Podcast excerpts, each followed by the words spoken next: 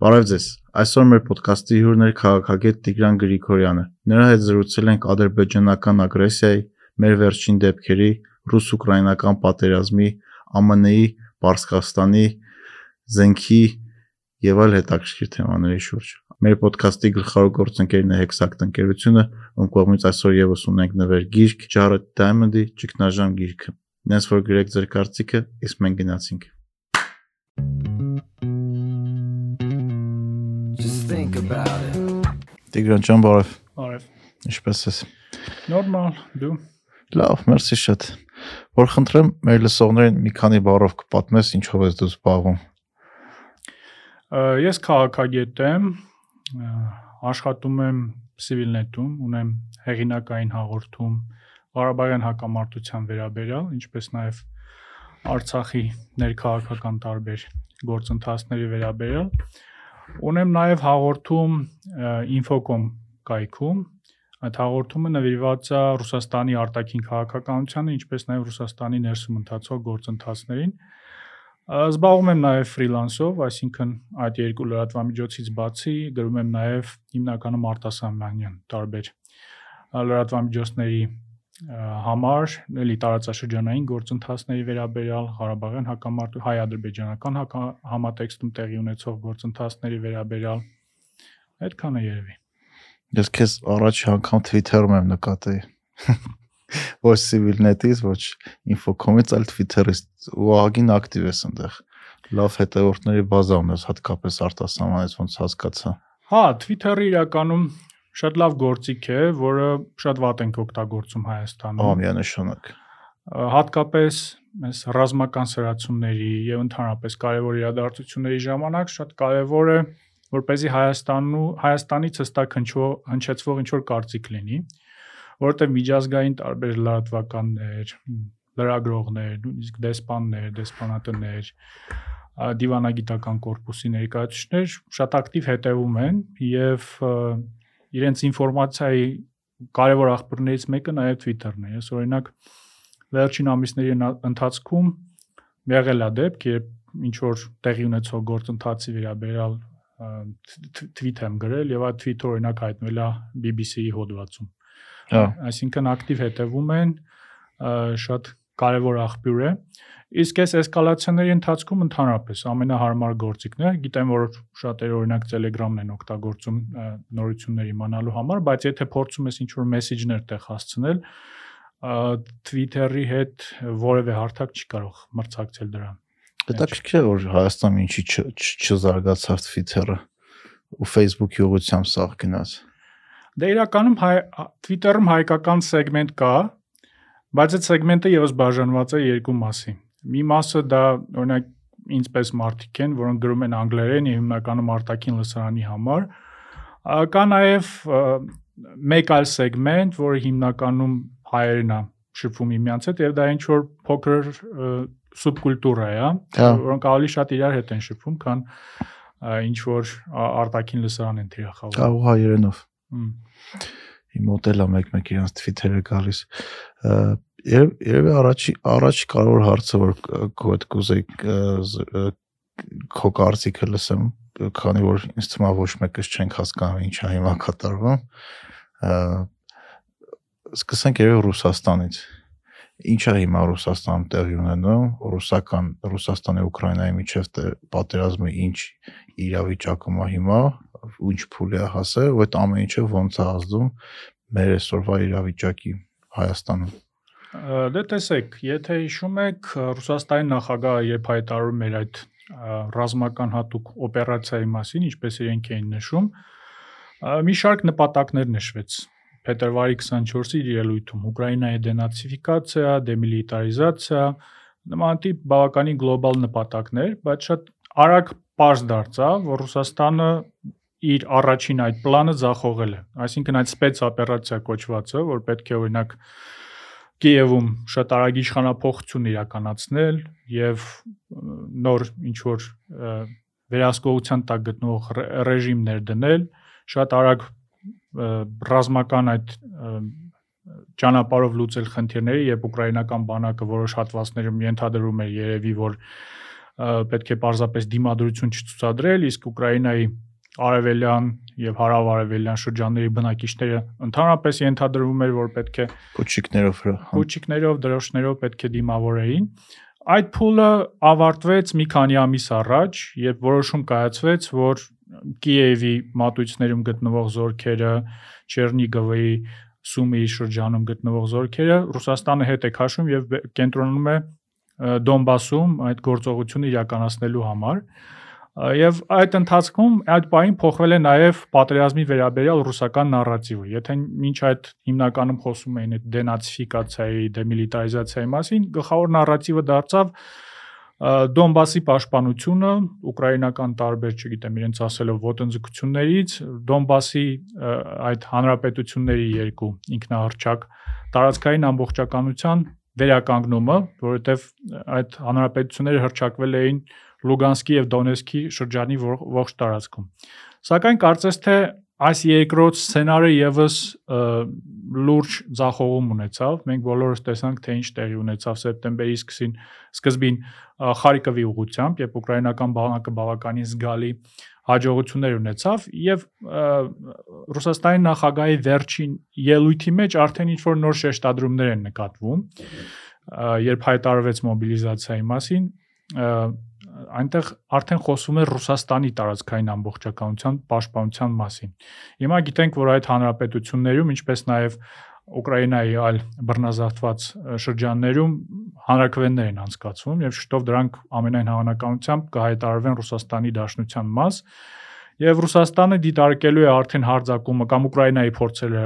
փորձերը վերականգնել վերահսկողությունը այդ տարածքների նկատմամբ որ, որպես հարձակում արդեն սեփական տարածքի նկատմամբ դա ինչի են իրանք տենց արել որովհետեւ իմ կարծիքով առաջին հերթին ուկրաինական հաջողությունների պատճառով, այսինքն երբ Խարիկովի այդ ճակատը փլուզվեց, հասկացան, որ օրինակ նմանատիպ իրավիճակներ կարող է կարող է նաև այլ հատվածներում տեղի ունենալ Իսկ սպեցօպերացիայի ձևաչափով օրինակ իրականացնել մոբիլիզացիա բավականին դժվար է։ Մի կողմից ասում ես սպեց կամ հատուկ գործողություն է, պատերազմ չէ, մի կողմից ասում ես մոբիլիզացիա է, իսկ հիմա երբ արդեն վտանգ լինի արդեն Ռուսաստանի Դաշնության տարածքային ամբողջականությանը, իսկ եթե դրանք հայտարարվում են Ռուսաստանի Դաշնության մաս, արդեն ուկրաինական բանակի որևէ առաջխաղացում դիտարկվելու է որպես ոտնձգություն Ռուսաստանի Դաշնության տարածքի նկատմամբ։ Արդեն կարելի է դե մոբիլիզացիան արդեն իսկ հայտարարվեց տեսանք նաև որ նախագահ Պուտինը ինչ որ չքողարկված սպառնալիք հնչեցվեց հնչեցրեց նաև միջուկային զենքի կիրառման մասին սա չեմ կարծում որ այս փուլում հավանական տարբերակ է այդ տակտիկական միջուկային զենքի մասին չէ այո այսինքն հա ուկրաինայի տարածքում կիրառելու մասին է այլ ոչ թե օրինակ միացյալ նահանգների կամ եվրոպայի ուղությամբ Այս փուլում չեմ կարծում մեծ որ մեծ հավանականություն կա դրա կիրառման, բայց չի չի կարելի նաև բացառել, որ Ռուսաստանը եթե ինչ որ ռազմական տոտալ ֆիասկոյի ենթարկվի Ուկրաինայում, այդ տարբերակն էլ կյանքի կկոչվի։ Հիմա վերադառնամ քո հարցի երկրորդ մասին, թե ուկրաինական պատերազմը ինչ ազդեցություն է ունեցել մեր տարածաշրջանի եւ ընդհանրապես հայ-ադրբեջանական համատեքստի վրա։ Իմ կարծիքով երկու գլխավոր գործոն պետք է առանձնացնել։ Առաջին գործոնը այն է, որ Ռուսաստանը Ռուսաստանի համար հիմա գլխավոր առաջնությունը առաջնահերթությունը Ուկրաինան է։ Այսինքն բոլոր ռազմական կարողությունները, ռեսուրսները, քաղաքական, դիվանագիտական ուղղված են Ուկրաինային, եւ այդ առումով որոշակիորեն թույլաtsել է ռուսական ազդեցությունը մեր տարածաշրջանում։ Կարելի է ասել, որ Արավային Կովկասում այս փուլում որոշակի քաղաքական վակուում է ձևավորվել Եվ Ադրբեջանը այդ առումով ամեն անգամ նախաձեռնելով այս սրացումները, ռազմական սրացումները, փորձում է շոշափել Ռուսաստանի կարմիր գծերը։ Այն որ օրինակ սեպտեմբերի 13-ին արկակոծվեցին Ջերմուկ, Գորիս, Կապան, Վարդենիս քաղաքները, դա ինչ որ աննախադեպ երևույթ էր առնվազն վերջին տարիների համար։ Եթե հիշեք, նույնիսկ Ղարաբաղյան երկրորդ պատերազմի ընթացքում, 20 թվականի պատերազմի ընթացքում Ադրբեջանը նման մասշտաբի արկակոծության չի ենթարկել Հայաստանի խոշոր բնակավայրերը, որովհետև այն ժամանակ ամենայն հավանականությամբ կա ռուսական գործոնը դեռևս բավականին ուժեղ էր։ Երկրորդ գործոնը, որի մասին պետք է խոսել, դա իհարկե այն է, որ ռուս-ուկրաինական պատերազմի մեկնարկից հետո Թուրքիայի եւ Ադրբեջանի դերը Մոսկվայի համար բավականին մեծացել է։ Լոգիստիկայի առումով Առաջին հերթին այո, լոգիստիկայի առումով գիտենք, որ Թուրքիան կարևորագույն առևտրային գործընկեր է Ռուսաստանի համար եւ այս փուլում երբ ռուսները փորձում են մեղմացնել այդ արևմտյան պատժամիջոցների ազդեցությունը իրենց տնտեսության վրա, Թուրքիան շատ կարևոր դեր է խաղում։ Ադրբեջանի պարագայում գործ ունենք հենց այդ լոգիստիկ խնդիրները լուծելու process-ի հետ Ռուսաստանը վերջին ամիսների ընթացքում շատ արագ տեմպերով փորձում է ակտիվացնել այսպես կոչված հյուսիս-հարավ միջազգային միջանցքը, որը պիտի ռուսական ապրանքները հասցնի դեպի հնդկական շուկա։ Այդ միջանցքը անցնում է Ադրբեջանի տարածքով, մասնակիորեն Միջին Ասիայի տարածքով եւ Իրանի տարածքով հասնում է արդեն ծովով հասնում է դեպի Հնդկաստան եւ մեր այս նավթամթերքի ու գազի մասին է խոսքը։ Ամեն ինչի մասին, այսինքն Ցորեն։ Այո, հիմնականում այո, էներգակիրների մասին է, բայց նաեւ տարբեր տարբեր տեսակի ապրանքների մասին է խոսքը։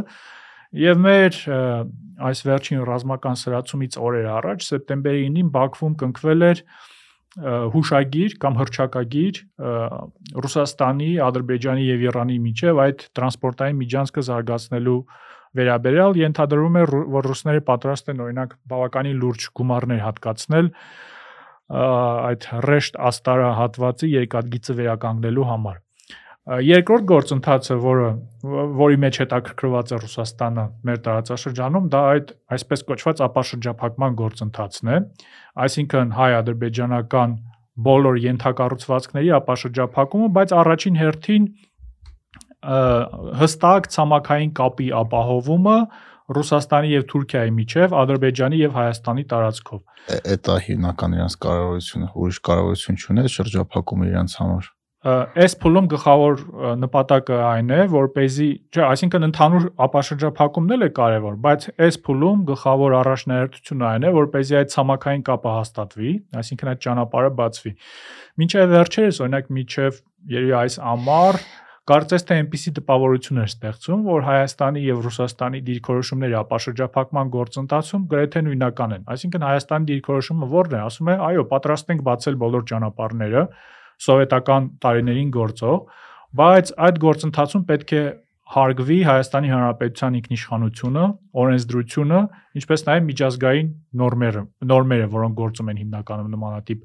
գործընթացներում, մյուս կարևոր սկզբունքն էլ փոխադարձության սկզբունքն էր, այսինքն եթե մենք օրինակ ճանապարհ ենք տրամադրում Ադրբեջանին Հայաստանի տարածքով, որ เป զի այն կապվի Նախճեվանի կամ Թուրքիայի հետ, մենք էլ պետք է օգտագործենք Ադրբեջանի տարածքում գտնվող ճանապարհները կամ երկաթգծերը Իրանի կամ Ռուսաստանի հետ կապվելու համար։ Ադրբեջանը այս ողջ ընթացքում մեծ հաշվով շեշտը դրել էր այսպես կոչված Զանգեզուրի միջանցքը հա։ բացելու վրա, այսինքն Ադրբեջանին հետաքրքիր չեն մյուս ճանապարհներ, հետաքրքիր չէ ապաշրջափակումը, պարզապես ցանկանում են ճանապարհ եւ երկաթգիծ Հայաստանի հարավով, որը դե ֆակտո արտատարածքային ստատուս կունենա, այսինքն Հայաստանի վերահսկողությունը այդ ճանապարհի երկաթգծի վրա մինիմալ պիտի լինի։ Այսինքն մաքսատուրքեր ու մնացած ամեն ինչ չի լինելու։ Ադրբեջանը պնդում է, որ เป զի չլինի։ Նրանք դա անվանում են անխոչնդոտ կապ Ադրբեջանի եւ Նախճեվանի միջև եւ մինչեւ վերջերս կարծես թե միայն Ադրբեջանն էր, որ այդպիսի մոտեցում ուներ, եվրոպացիները, ռուսները այնուամենայնիվ կողմեին ավելի համապարփակ ապաշրջապակման գործընթացի։ Այդ ճանապարհը պետքա վերահսկվել Ռուսաստանի կողմից։ Այո, Ռուսաստանի այդ սամանա սամանապահ զորքերի FSB-ի կողմից ենթադրվում է նաև, որ ինչ որ էսկորտ էլ պիտի լիներ ադրբեջանական այդ բեռնատարերի կամ ավտոմեքենաների մի խոսքով ադրբեջանի նպատակը այն է որպեսզի հայկական դե ֆակտո ներկայությունը ու վերահսկողությունը այդ ուղու վրա մինիմալ լինի ինչպես արդեն նշեցի մինչև վերջերս ռուսներն ու եվրոպացիները կարծես թե ավելի շատ հակված էին մեր տարբերակին որ այո պետք է ապաշրջափակում, բայց փոխադարձության սկզբունքի հիման վրա, ինքնիշխանության սկզբունքը հարգելու հիման վրա, Սակայն վերջին ամիսների ընթացքում Ռուսաստանի դիրքորոշումը կարծես թե փոխվել է այս հարցում։ Չի։ Պատճառները մենք գիտենք, թե ենթադրում ենք, որ փոխվել է ու ենթադրում ենք, որ գիտենք։ Դե ես օրինակ տարբեր ներքին ինֆո ինֆորմացիա էլ ունեմ, որ ինչպիսի օրինակ պահանջներ են ներկայացնում Հայաստանի կառավարությանը, բացի այդ ռուսները ռուսները միջև բացի այդ հրաապարակային դաշտում բաց աղբյուրներից էլ կարելի է նմանատիպ վերլուծություններ անել, եթե հիշում եք մի երկու ամիս առաջ մամուլում ինֆորմացիա էր հրապարակվել, որ ռուսները Մեղրիում ինչ որ անցակետեր են տեղադրում, ինչ որ քննարկումներ եղան այս հարցի շուրջ, հետո մոռացան բոլորը դրա մասին, բայց փաստացիորեն վերջին երկու ամսվա ընթացքում ռուսները կարծես թե առաջ են շարժում այդ ադրբեջանական տարբերակով։ Պատճառը կարծում եմ པարզ է, ռուսների համար կարևոր չի թե ինչպես է ճանապարհը բացվելու։ Ամեն դեպքում եթե նույնիսկ հայկական պատկերացումներով այդ ճանապարհը բացվել, իրենք ներկայություն կունենային այդ ճանապարհի վրա, այսինքն իրենք կլինեին անվտանգության ապահովողը։ Բայց քանի որ Ադրբեջանի վրա ազդեցության լծակները բավականին քիչ են հիմա Ռուսաստանի մոտ, երևի որոշում է կայացվել, որ ավելի հեշտ է Հայաստանի վրա ճնշում գործադրել եւ քան Ադրբեջանի։ Քան Ադրբեջանի եւ որպեսզի այդ ճանապարհը բացվի։ Մի խոսքով ամփոփելով քո արծի պատասխանը, այս այսինքն ուկրաինական պատերազմի ազդեցություն ազդեցությունները շատ են իրականում կարող ենք օրինակ Մինսկի խմբի մասին էլ խոսել, այլ հարցերի մասին էլ խոսել, բայց այս փուլում ամենակարևոր երկու գործոնը այն է, որ ռուսական կարողությունները զգալիորեն նվազել են եւ որ Ռուսաստանը Ադրբեջանի հետ ունի որոշակի ընդհանուր շահեր։ Ուիդեպ ռուս-ադրբեջանական այս մեղրամիսը նկատելի է արդեն վերջին 3-4 ամիսների ընթացքում, ասենք Լավրովը մեկնում է Բաքու եւ Բաքվում ելույթ ունենում եւ եթե դու չլսես այդ ելույթը, չիմանաս ով է այդ ելույթ ունենում, կարող է տպավորություն ստեղծվել, որ Ադրբեջանի արտգործ նախարարն է ելույթ ունենում։ Այսինքն կարծեմ մի 3 ամիս առաջ էր այդ այցը եւ Բաքվում արտգործ նախարար Լավրովը հայտարարել էր, որ Մինսկի խումբը այլևս գոյություն չունի, ինչը ադրբեջանական դիրքորոշում է։ Խոսեց այն մասին, որ այն սկզբունքները, որոնք կային հակամարտության կարգավորման հիմքում միջև 20 թվականի պատերազմը, այլևս ակտուալ չեն ակտուալ է միայն երրակոմ հայտարարությունները, խոսեց հետ կոնֆլիկտային զարգացումների մասին, հետ կոնֆլիկտային զարգացում տերմինը ինքնին ադրբեջանական է, որովհետև Ադրբեջանը կարծում է, որ հակամարտությունը ավարտված է։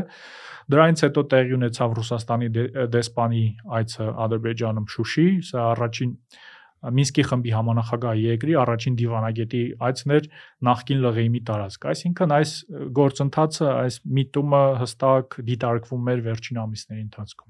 Իսկ Ադրբեջանը չի ասում Ղարաբաղի հարց, Արցախի հարցը լուծված է արդեն։ Որովհետև Ադրբեջանը պատրաստ չէ որևէ բան Արցախի մասով քննարկել Հայաստանի հետ։ Ադրբեջանը կարծում է, որ դա իր ներքին գործն է։ Ադրբեջանը կարծում է, որ մոտ ապագայում նրան հաջողվելու է ռուս խաղապահներին օրինակ դուրս հանել Լեռնային Ղարաբաղից։ Ադրբեջանը, եթե նկատել եք իրենց հայտարարություններում միշտ նշում են, որ ռուս խաղապահների մասին, երբ խոսում են, նշում են, որ նրանք ժամանակավորապես են գտնվում օրինակ Արցախում, այսինքն այդ քաղաքականությունը հստակ վարվում է եւ Ադրբեջանը այդ 20 թվականի հաղթանակի էйֆորիայի մեջ է գտնվում։ Այսինքն մաքսիմալիստական նպատակներ ունի բոլոր գործընթացներում։ Չգիտեմ իրենց տեսանկյունից, իրենց շահերի տեսանկյունից դա ճիշտ դիրքորոշում է թե սխալ, բայց իրենք տեսնում են ինչ որ հնարավորությունների պատուհան, դրանք տեսնում էին նաև ռուս-ուկրաինական պատերազմի մեկնարկից առաջ, իսկ հիմա առավել եւս եւ բոլորը զբաղված են այդ պատերազմով եւ փորձում են պարզապես ուժի կիրառման միջոցով կամ ուժի սպառնալիքի միջոցով Հայաստանից ստանալ մաքսիմումը ինչ հնարավոր է ստանալ։ Ու այս վերջի հարցակում իրանց կողմից հենց դրա հետ էր կախված։ Այո, ոչ միայն վերջին հարցակումը, դրանից առաջ օգոստոսին Արցախում սրացում եղավ, երբ արագացրեցին այդ այլընտրանքային ճանապարհին անցնելու գործընթացը, դրանից առաջ Փարուխում եղավ, այսինքն ուկրաինական պատերազմի մեկնարկից հետո մենք արդեն 3 խոշոր սրացում ենք ունեցել տարածաշրջանում։ Այս վերջինը կարելի է նույնիսկ միկրոպատերազմ անվանել, որովհետև այն կորուստները, որ ունեցել ենք, չենք ունեցել նույնիսկ այս մասշտաբի կորուստներ, նույնիսկ ապրիլյան պատերազմի ժամանակ օրինակ 16 թվականի, բավականին լայնածավալ գործողություն են իրականացնել ինչպես նշեցի, նաև այդ կարմիր գծերն են շոշափում, ոչ միայն Ռուսաստանի, այլ նաև միջազգային հանրության։ Հիմա տեսեք, կարծես թե ինչ որ արձագանք եղել է միջազգային հանրության կողմից, քիչ թե շատ առարկայական քննադատություններ, բայց հարց է առաջանում։ Սա բավական է օրինակ Ադրբեջանին զսպելու, որ เป զի Հայաստանի տարածքի նկատմամբ կամ Լեռնային Ղարաբաղում ինչ որ արդեն ավելի նոր ու ավելի մեծ էսկալացիա չնախաձեռնեն։ Իսկ բավարար դա թե չէ, որովհետև օրինակ եթե մարկանց տրամադրությունները նայենք կամ Facebook-ի գրառումները նայենք, մարդիկ քմծի ծաղան հետևում այդ, չգիտեմ, տարբեր երկրների քննադատությանը, որ մենք քննադատում ենք ձեր արածը, չգիտեմ, այդպես սիրուն խոսքեր են գրում, բայց իրական ոչ մի բան։ Դե իրականում խնդիրը կայանում է նաև նրանում, որ ոչ բոլոր երկրներն են առարկայական քննադատություն հնչեցնում։ Օրինակ, Ռուսաստանի կողմից որևէ հասցեական հայտարարություն այդպես էլ չի եղել։ Այս այս պահով ես ես վերջերս երբ միշտ հարցնում են ինչ որ կանխատեսում են ուզում իմանալ կամ հարցնում են օրինակ այս ինչ բանը հնարավոր է մոտ ապագայում թե չէ, ես միշտ պատասխանում եմ, որ ինձ եթե սեպտեմբերի 1-ին ասեին, որ շուտով Ադրբեջանը արկակոծելու է Ջերմուկ քաղաքը եւ Ռուսաստանից նույնիսկ մեկ հասցեական հայտարարություն չի հնչելու, ես կմտածեի, որ դա քիչ հավանական է, բայց աշխարհը այնքան արագ է փոփոխվում, որ այս փուլում ամեն ինչ հնարավոր է, իսկ ինչ վերաբերում է հայտարարություններին, իհարկե դրանք որոշակի զսպող դեր կատարում են։ Օրինակ Միացյալ Նահանգների այս ներգրավվածությունը գործընթացում Միացյալ Նահանգները մեր տարածաշրջանից Տրամպի նախագահության շրջանում հեռացել են, չկային ընդհանրապես։ Եվ դա կարծում եմ գլխավոր պատճառներից մեկն էր նաև, թե ինչու 20 թվականին տեղի ունեցավ պատերազմը, թե ինչու Թուրքիան այդպիսի ակտիվ մասնակցություն ունեցավ, թե ինչու այդ պատերազմը ավելի արագ չկանգնեցվեց։ Եվ այս վերջին շրջանում նույնիսկ միջև էսկալացիան նկատվում է, որ Միացյալ Նահանգները փորձում են ինչ-որ ակտիվություն ցուցաբերել։ Դե Պելոսի այցը միջև էսկալացիան էր արդեն նախատեսված։ Այո, բայց ես նույնիսկ Պելոսի այցի մասին չեմ խոսում, այլ պետքարտուղարության կողմից իրականացվող ջանքերի, Փաստորեն հայկական կողմը առնվազն հայտարարում է, որ այդ զինադադարը կնքվել է ամերիկացիների ակտիվ ջանքերի շնորհիվ։ Դրանից հետո տեղի ունեցել նաև արտգործնախարարների հանդիպում Նյու Յորքում սեպտեմբերի 19-ին, Էլի Բլինքենի միջնորդությամբ։ Այդ առումով ես իհարկե բավարար չեմ համարում միայն հայտարարություններ տարածելը կամ միայն այդ հերախոսազանգերը Ալիևի հետ կամ Փաշինյանի հետ, Ամերիկան պետք է առնվազն օգտագործի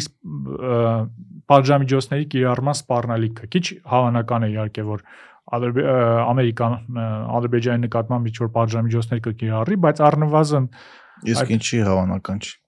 Դե որտեվ Ադրբեջանը այնուամենայնիվ կարևոր երկիր է նաև արևմուտքի համար, այս բոլոր գործընթացները, որ ներկայացնում է ռուս-ադրբեջանական այդ մերձեցման, նմանատիպ գործընթաց տեղի էր ունենում նաև օրինակ Ադրբեջանի եւ Եվրամիության միջև։ Հիշում ենք, թե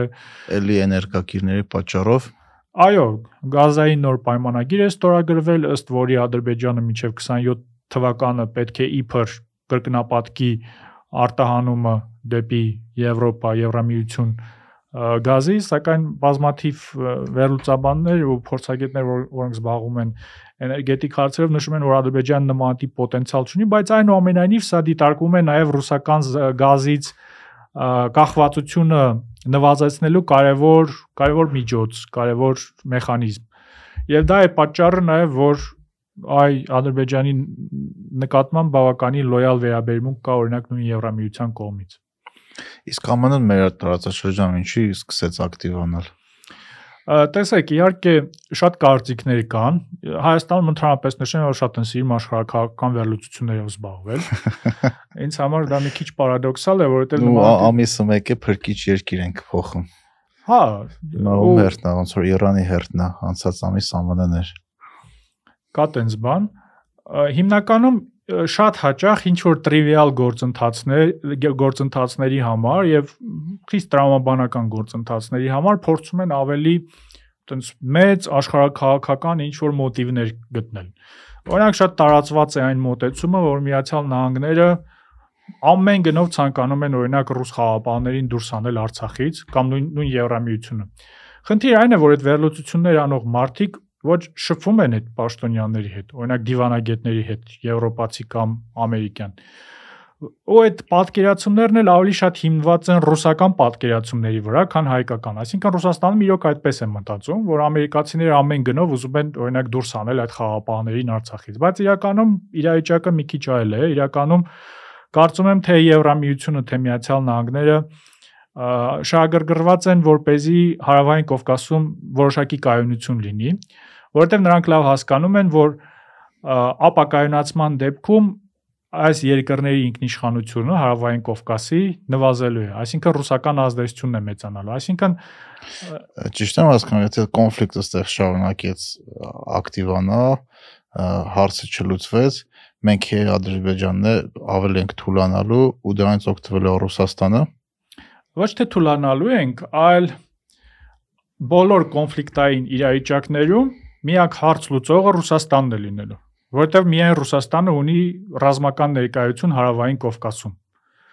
Այսինքն Միացյալ Նահանգները կարող են հայտարարություններ տարածել, Եվրամիությունն էլ է կարող, բայց ռազմական ներկայություն չունեն մեր տարածաշրջանում։ Եթե բանը հասավ ինչ որ խոշոր պատերազմի, ելի Ռուսաստանն է լինելու գլխավոր միջնորդը ու ելի Ռուսաստանի դիրքերն են մեծանալու կամ ավելանալու։ Եվ իմ կարծիքով դա է գլխավոր շարժառիթը։ Ռուսաստանը իր հերթին ցանկանում է, որ เป զի օրինակ նույն կարգավիճակի հարցում Լեռնային Ղարաբաղում այս փուլում որևէ լուծում չլինի։ Ինչի։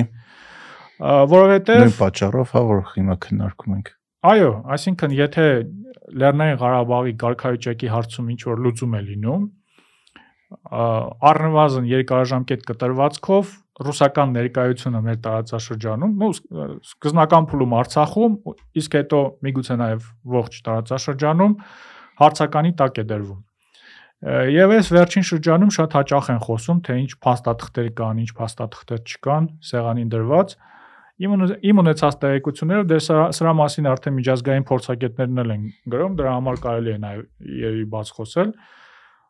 Կա օրինակ ռուսական փաստաթուղթ, որի իմաստը այն է, որ Հայաստանը ադրբեջանական այն 5 սկզբունքների հիման վրա, որը Բաքուն հրապարակել էր, եթե չեմ սխալվում, մարտին, ստորագրում է պայմանագիր, եւ այդ պայմանագրով ճանաչում ճանաչում են միմյանց տարածքային ամբողջականությունը, նշում են, որ տարածքային որևէ պահանջներ չունեն միմյանց նկատմամբ եւ ապագայում եւս չեն ունենալու, բայց ռուսական փաստաթղթի մեջ կա մի կետ, որում նշում է, որ Ղարաբաղյան հակամարտությունը ավարտված չէ, եւ Ղարաբաղի կարգավիճակի շուրջ բանակցություններ ապագայում պիտի տեղի ունենան։ Սա իմ կարծիքով բավականին նորմալ մոտեցում է ռուսների կողմից ռուսների կողմից հասկանալի է ինչու է այդպես մոտեցում, բայց Հայաստանի համար էլ ընդունելի մոտեցում է, որովհետև մեզ համար այդ փաստաթուղթը ստորագրելու գլխավոր վտանգը կայանում է նրանում, որ Ադրբեջանը կարող է դա ներկայացնել որպես ապացույց, որ հակամարտությունը իրոք ավարտված է որ այն բանակցելու ոչ մի բան չկա։ Նույնիսկ այս իշխանությունները երբ խոսում են օրինակ անվտանգության իրավունքների մասին, նույնիսկ դա բանակցելու չէ։ Կա նաև հաստատուղթ Եվրամիության կողմից եւ դա եւս համապատասխանում է Եվրամիության շահերին, այն այն ամենի մասին, ինչի մասին խոսում ենք, այսինքն ինչ որ համապարփակ լուծում է ենթադրում, որ էլի նույն սկզբունքներով հաստատող ստորագրում է եւ Լեռնային Ղարաբաղում էլ փորձում են ինչ որ լուծումներ գտնել, իհարկե Ադրբեջանի տարածքային ամբողջականության կազմում։ Հիմա մոտակա շրջանում երևի պայքար է գնալու այս երկու հաստատքների միջև։ Այսինքն երկու դեպքում է մեկը մենք պետքա ճանաչենք Ադրբեջանի տարածքները Դե տեսեք, եթե օրինակ վերցնում ենք տարածք տարածքային ամբողջականությունը, Դե օրինակ ռուսական փաստաթղթի պարագայում parz է որ Ադրբեջանը երբեք չի ստորագրելու նման կետ ունեցող փաստաթուղթ։ Այսինքն չի ստորագրելու մի փաստաթուղթ, փաստաթուղթ, որի մեջ նշված է լինելու, որ Լեռնային Ղարաբաղի հակամարտություն կա դեռևս եւ որ Լեռնային Ղարաբաղի կարգավիճակի կամ ընդհանրապես քաղաքական ապագայի շուրջ բանակցություններ պետք է լինեն։ Այդ առումով, եթե նույնիսկ ցանկություն լինի Երևանում ինչ որ բան ստորագրել, մոտակա շրջանում ես քիչ հավանական եմ համարում, որ դա տեղի կունենա, որովհետև Ռուսաստանը դժվար թե հրաժարվի այդ կետից, բացատրեցինք արդեն հա։ ինչու։ Այստեղ կարող է լինել այլ տարբերակ, որ Հայաստանը անտեսելով օրինակ Ռուսաստանի այդ դիրքորոշումը, եւ Հայաստանն ու Ադրբեջանը միասին օրինակ անտեսելով Ռուսաստանի այդ մոտեցումը, փորձում են առանց Ռուսաստանի ստորագրել փաստաթուղթ, օրինակ կոպիտ ասած Եվրամիության առաջարկած այդ փաստաթուղթը։ Այդ այդ փաստաթղթի ստորագրման դեպքում այո լուրջ վտանգներ կան եւ մեծ հաշվով կարող է ստեղծվել մի իրավիճակ, երբ այլևս Արցախում հայ բնակչության մնալը կարող է վտանգավոր լինել։ Իսկ էթնիկ զտումներ կարող սկսեն։ Էթնիկ զտում կարող է նույնիսկ չսկսեն էլ, մարդիկ պարզապես կարող են ինքնակամ լքել այդ տարածքը։ Իսկ հնարավոր է երկրորդ տարբերակը։ Դե նշեցի, որ այս այս աշխարհում, որում ապրում ենք, ամեն ինչ է հնարավոր։ Ահա։ Իսկ ինչ ինչ որ տարբերակ կա քո կարծիքով, որի դեպքում մենք Արցախը չենք կորցնում։ Իմ կարծիքով միակ տարբերակը դա հենց գոյություն ունեցող ստատուս կվոն պահելն է, այսինքն այդ ռուսական տարբերակը, որ փորձում ենք պայմանավորվել ադրբեջանցիների հետ մյուս օրակարգերով, Արցախի հարցում նշում ենք, որ հիմա պահը չի։ Տեսեք, շատ հետաքրքիր դիսկուրս կա հիմա Հայաստանում։ Շատերը նշում են, որ օրինակ այս դիրքորոշումը, որ ես հնչեցրեցի, դա այդ նույն դիրքորոշումն է, որը մենք ունեցել ենք 30 տարի։ Այսինքն, տենց ժամանակ ենք ձգում, ստատուս կվոն պահում ենք, չեն գնում համապարփակ լուծման։ Բայց այն մարդիկ, որոնք անում են այս պնդումները, պարզապես չեն կարդացել վերջին 20 տարիների ընթացքում բանակցային սեղանին դրված փաստաթղթերը։ Տեսեք, օրինակ նույն 97 թվականի այդ փուլային տարբերակը, որը հիմա շատերի կողմից համարվում է բաց թողված ինչ որ հնարավորություն, եւս նմանատիպ լուծում էր ենթադրում։ Այսինքն ինչ որ պահի միջնորդները հասկացան, որ այս հարցի շուրջ, գլխավոր հարցի շուրջ, Ղարաբաղի կարգավիճակի հարցի շուրջ կամ քաղաքական ապագայի շուրջ հնարավոր չէ ինչ որ ընդհանուր հայտարար գտնել Ադրբեջանի եւ Հայաստանի միջև։ Եվ այդ առումով եկել էին եզրահանգամ, որ կարելի է լուծել բոլոր մյուս խնդիրները, որոնք կան, հումանիտար խնդիրները առաջին պատերազմի ավարտից հետո, որոնք ստեղծվել էին, անվտանգության հարցը, օրինակ նույն խաղաղապահների տեղակայումը։ Իսկ այս հարցը թողել ապագային։ Այսինքն այն մարդիկ հիմա, որոնք ասում են, որ սխալ է օրինակ ժամանակ ձգելը, սա ուսանշեմ, որ սա ժամանակ ձգելու մասին չի։ Սա սա մինիմալ պայմաններ ստեղծել պահպանելու մասին է Արցախում հայ բնակչության համար, բայց այդ մարդիկ, ովքեր մեղադրում են հիմա այս ստատուս կվոն պահելու մեջ, չեն հասկանում, որ այն տարբերակը, որոնք իրենք ջատավգովում էին օրինակ 20 տարի, հենց դա էր ենթադրում։ Դա էր ենթադրում նաև օրինակ 15-16 թվականի այդ ռուսական առաջարկները, որոնք ավելի հայտնի են Լավրովի պլան այդ անվանմամբ, ելի նույն սկզբունքն էր։ Ռուսները ինչ որ մի պահի հասկացան, որ դժվար թե օրինակ Ադրբեջանը համաձայնի ինչ որ կարգավիճակի Արցախի համար իր տարածքից դուրս, Հայաստանն էլ դժվար համաձայնի ինչ որ կարգավիճակի Արցախի համար, Ադրբեջանի Ադրբեջանի կազմում եւ ելի որոշեցին այդ կարգավիճակի հարցը արկախել թողել ինչ որ ապագայի անորոշ եւ փորձել լուծել այլ այլ խնդիրները ճիշտ այդ առաջարկներով այլ երաշխիքներ կային որ եթե Ադրբեջանը խախտի օրինակ այդ պայմանավորվածությունը այսինքն ենթադրվում էր այդ 5+2 սխեմայով տարածքների վերադարձ, այսինքն հայկական կողմը Ադրբեջանին պիտի վերադարձներ 5 շրջանը ազատագրված կամ հայկական վերահսկողության տակ գտնվող, իսկ երկու շրջանը, Քելբաջարն ու Լաչինի շրջանը մնում էին հայկական կողմի մոտ, քանի դեռ Արցախի ապագայի շուրջ որևէ պայմանավորվածություն չկա։ Այսինքն քանի որ այդ քանի դեռ այդ հետաձգված հանրակրվեն, որը որը նախատեսվում էր այդ փաստաթղթով տեղի չէր ունենում։ Հիմա Ադրբեջանը իհարկե կարող էր խոչընդոտել, որ որպեսզի երբևէ այդ հանրակրվեն տեղի չունենար, բայց միևնույն ժամանակ կունենար մի իրավիճակ, երբ Քելբաջարն ու Լաչինը կմնային հայկական վերահսկողության տակ։ Հիմա մոտորապես նույն վիճակն է, պարզապես այդ երաշխիքները չկան։ Այսինքն ամեն ինչ կախված է Ռուսաստանի կարողություններից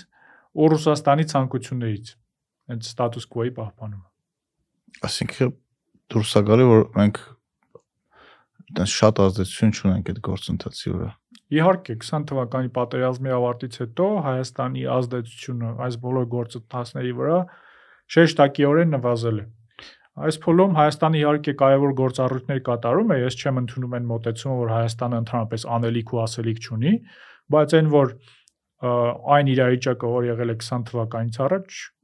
այժմ չկա, դա հստակ է։ Իսկ 20 թվականի պատերազմը ինչի սկսեց։ 20 թվականի պատերազմը կամ կներես մի քիչ ավելի հետ գնանք, էլի այդ բանակցությունները 5 ու 2 շրջանների հետ կապված ում ում կողմից վիճեցվեց մեր թե Ադրբեջանի։ Ում վիճեցվեց։ Հա։ Դե կարելի է ավելի հեռու։ Ու արդյոք դա բերես պատերազմի։ Իմ կարծիքով Ադրբեջանը առնվազն 2000-ական թվականների կեսերին քաղաքական որոշում էր կայացել հարցը ուժային ճանապարհով լուծելու։ Այդ 2004-5 թվականից Իլհամ Ալիևի իշխանության գալու տարվանից սկսած իմ կարծիքով դա եթե հետևում ենք բանակցային ողջ գործընթացին օրինակ 2000-ականների կեսերից, ինչպես նաև Ադրբեջանի ներսում ընթացող գործընթացներին, թե ինչպես ինչպեսի ագրեսիվ ռետորաբանություն սկսեցին օգտագործել։ Հեյդար Ալիևի ժամանակ իհարկե կար այս ճշնամանքը, բայց այս մասշտաբների չէր հասնում, էլի, այդ ասում են արդյունաբերական մասշտաբների այդ հայատյացությունը, այդ Ռամիլ Սաֆարովի դեպքը, սպառազինությունների սպառազինությունների ձեռքբերման այդ գործընթացը լայնածավալ, որը սկսվեց երևի 2011 թվականից կարելի է հստակ հստակորեն նշել։ Եվ եթե նայում ենք, ելի շատ պոպուլյար ինչ որ նարատիվ է, որը 20 թվականի պատերազմից հետո մեր որոշ առաջադեմ վերլուծաբաններ, հատկապես արեմտյան տարբեր հարթակներում նշում էին, որ այ Հայաստանը ոչ կոնստրուկտիվ էր, չէր ցանկանում համապարփակ լուծում, դրա համար էլ պատերազմը տեղի ունեցավ, բայց իրականում եթե նայում ենք վերջին 10 տարվա ընթացքում կողմերը ամենամոտը ինչ որ պայմանավորվածության եղել են 11 թվականի Կազանում։ Ահա։ Գիտենք, որ Կազանում Իլհամ Ալիևն է վերջին պահին ինչ որ նոր պայմաններ առաջ քաշել եւ մեծ հաշվով տապալել այդ բավականին երկար տևած գործընթացը, որի հետ լուրջ հույսեր էին կապում թե արեմուտքում եւ թե Ռուսաստանում։ 15-16 թվականներին արդեն դժվար է ասել թե կողմերից որ մեկն է հրաժարվում, բայց օրինակ ես հստակ գիտեմ, որ 16 թվականից հետո Սերժ Սարգսյանը Օրինակ նույն Արցախում հանդիպումներ էր հանդիպումներ էր կազմակերպում տեղի падգամավորների Ղարաբաղյան շարժման ակտիվիստների հետ եւ բացատրում էր, որ պետք է գնալ ինչ-որ բանակցային լուծման։ Թե ինչու դա հետո տեղի չունեցավ, դա քիչ ինֆորմացիա ունենք, որ เป զի հստակ պատասխաններ տալ բայց իմ կարծիքով հստակ էր որ Ադրբեջանը պատրաստվում էր պատերազմի։ Ադրբեջանը շատ ավելի լավ գիտեր մեր բանակի կարողությունների մասին, քան մենք գիտեինք։ Մենք ասելով ես նկատի չունեմ նույնիսկ հասարակությունը, այլ հենց որոշում կայացնողները։ Եվ հստակ գիտակցում էր, որ ռազմադաշտում կարող է ստանալ ավելին, քան կարող է ստանալ բանակցային սեղանի շուրջ, որովհետև բանակցությունները այնուամենայնիվ ենթադրում էին փող զիջումներ։ Այսինքն, եթե մենք ենք ինչ որ բան զիջում, դրա դիմաց Ադրբեջանն էլ ինչ որ բան պետք է զիջել, բայց տեսանք թե ինչ տեղի ունեցավ։ Պատերազմի ընթացքում Ալիևը ստացել է այն, ինչի մասին Ադրբեջանում երբեք չէին էլ երազել, ասենք որևէ Ադրբեջանի ղեկավար երբեք վերջին 30 տարվա ընթացքում չի երազել, որ կարող է օրինակ վերահսկողություն ունենալ կամ օկուպացնել Հադրութի շրջանը կամ Շուշին կամ Շուշին։ Հմ։ Նշեցի, որ Ադրբեջանի ադրբեջանցիները ավելի լավ գիտեն մեր բանակի իրավիճակը, քան մենք։ Այդ ենթադրությունն է, թե տենց այն ինչ որ տեղ ունեցավ, այդ ամենը չապացուցեց։ Չէ, դա ենթադրություն չի, դա կարող է ապացուցվել նաև բաց աղբյուրների ուսումնասիրության միջոցով։ Եթե եթե հիշում եք, թե ինչ էյֆորիա էր տիրում Հայաստանում հուլիսյան այդ դեպքերից հետո, որ սկսեցին սաղին մեդալներ բաժանել։ Ոչ միայն մեդալների մասին է խոսքը, դա էլ է իհարկե абսուրդ եղել, Սարդարապատում ելույթը եւ այլն, այդ ամեն ինչը շատ քննարկվել է։ Բայց պարզապես ուշադրություն դարձրեք, թե ինչպիսի մեսեջներ էին հղում Հայաստանի իշխանությունները այդ փուլում։ Որ հայկական բանակը ինչ որ գործոն է դարձել տարածաշրջանում, տարածաշրջանում ինչ որ ուժային վակուում է, որը լցվում է հայկական բանակի կողմից, ու այդ բոլոր ենթադրությունները արվում էին մի հատ չպահվող post վերցնելու գործողության հիման վրա։ Այսինքն այդ գործողության հիման վրա մարդիկ վերլուծություններ էին անում, որ տարածաշրջանում արդեն ուժային բալանս է փոխվում։ Եվ այս թիմի գլխավոր այդ պոպուլիզմ էր թե մարդիկ հավատում էին դրան։ Չէ, չէ, հավատում էին։ Ռեալ դրան հավատում էին։ Հավատում էին, այո։ Եվ այս թիմի գլխավոր խնդիրը, տեսեք, շատ են, չէ, տարբեր մեղադրանքներ հնչում, դավաճաններ են, չգիտեմ ինչեր են։ Ես հակված չեմ նմանատիպ գնահատականներ հնչեցնելու, բայց այս թիմի գլխավոր խնդիրը այն է, որը ռազմական, արտաքին քաղաքական հարցերում որևէ բեքգրաունդ չունեին։ Այսինքն որևէ մեկը իշխող, եթե քաղաքական թիմի մասին ենք խոսում, որևէ պատկերացումներ պատկերացում չուներ այս ոլորտի մասին։ Մինչև օրինակ իշխող թիմը հասկացավ այդ ողջ բանակցային գործընթացի ընթերցեց նույնիսկ ես sense ասեմ ինչ են բանակցել, երբ են բանակցել, ինչա, միջև հիմա էլ չեն էլ հասկացել իրականում, օրինակ ինչ տողը ինչ է նշանակում ինչ որ փաստաթղթի մեջ։ Կար այս ամենի ֆոնին կար նաև իրավիճակ, երբ գլխավոր շտաբը բավականին հուսադրող պատկեր էր ներկայացնում։ Դրա մասին էլ է հրաապարակային հրաապարակայինորեն խոսվել, դրա համար կարող եմ ես էլ բարձրաձայնել. Օնիկ Գասպարյանը օգոստոսին անվտանգության խորհրդի նիստի ժամանակ հայտարարել էր, որ արևելյան ուղությամբ վտանգ չկա, արևելյան ուղությունը Ադրբեջանի ուղությունն է, արևմտյանն էլ Թուրքիայի օրինակ։ Եվ հարձակման դեպքում մենք կարող ենք կանգնեցնել հակառակորդի եւ նույնիսկ առաջ գնալ։ Դե հիմա պատկերացրեք, որոշում կայացնող եք, որևէ փորձ, որևէ գիտելիք չունեք այս ոլորտից, չնայած դա էլ արդարացում չի։ Եթե մեզպես մարդիկ, ովքեր ընդհանրապես որևէ ինֆորմացիայի չէին տիրապետում, հասկանում էին, որ իրավիճակը բարդ է, հետևում էին օրինակ Ադրբեջանի կողմից վերջին 10 տարվա ընթացքում ձեռի բերված բոլոր սպառազինություններին դա միջև պատերազմը բաց տեքստով լիքը մարդիկ գրում էին, նկարները դնում էին, ասում էին, ախր ոնց կարող է այդ մարդիկ չիմանան այդ ամեն ինչի մասին։ Դե խնդիրը կայանում է նրանում, որ չէին հասկանում այդ ուժերի դիսբալանսի աստիճանը եւ ընդհանրապես շատ քիչ բան էին հասկանում ռազմական գործից, Ղարաբաղյան հարցից ու արտաքին քաղաքականությունից։ Հա։ Իսկ եթե հետ գնանք պատճառներին, ինչի պատերազմը սկսեց, նշեցի, որ ադրբեջանցիները շատ լավ գիտեն, որ մեր բանակը ավելի թույլ է։ Մենք դրա մասին չգիտենք հետո հուլիսյան դեպքերը, որ մենք սկսեցինք մեդալներ բաժանենք, Ну, հուլիսյան դեպքերը ես պատճառների շարքում չէի դնի։ Հուլիսյան դեպքերը եւի արագացրել են այդ ամեն ինչը։ Իրականում կարելի է պատճառների կարելի է բաժանել պատճառների, այնինչ տեղի էր ունենում միջև 20 թվականը, եւ պարզապես հարմար փայհի միջև, այսինքն այն թայմինգը, որ ընտրվել է Ադրբեջանի իշխանությունների կողմից, երբ աշխարհում պանդեմիա է, երբ Միացյալ Նահանգներում ընտրություններ են, երբ բոլորը զբաղված են ինչ որ այլ հարցերով, երբ Հայաստանի եւ Ռուսաստանի միջև հարաբերությունները բավականին լարված էին, իրար չէին հասկանում։ Այդ ամեն ինչը հաշվի առվել, բայց իհարկե երկարաժամկետ պատճառը այն է, որ այո, Ադրբեջանը ռազմավարական նպատակ էր դրել 2000-ականների կեսին հարցը լուծել ուժային ճանապարհով Ադրբեջանը կարող էր հասկանում էր որ կարող է շատ ավելին ստանալ պատերազմի միջոցով, քան բանակցությունների միջոցով եւ Ադրբեջանը նաեւ հասկանում էր որ Հայաստանում իշխանության եկած թիմը այդ բոլոր խնդիրները ունի, որի մասին մենք նոր խոսեցինք, այսինքն անփորձը, գիտելիքներ չունի, Ռուսաստանի հետ հարաբերություններում որոշակի սխալներ է թույլ տալիս, Հա։ Իսկ պատերազմից հետո ես եթե ես մի քանի տարին փորձես փորձենք վերլուծենք դասեր քաղել ենք։ Չեմ կարծում թե մենք դասեր քաղել ենք եւ իրականում այն ինչ տեղի ունեցել սեպտեմբերի 13-ին դրա ամենավառ ապացույցն է։ Ինչ առումով։ Դե տեսեք, մեր իշխանությունները վերջին 1 տարվա ընթացքում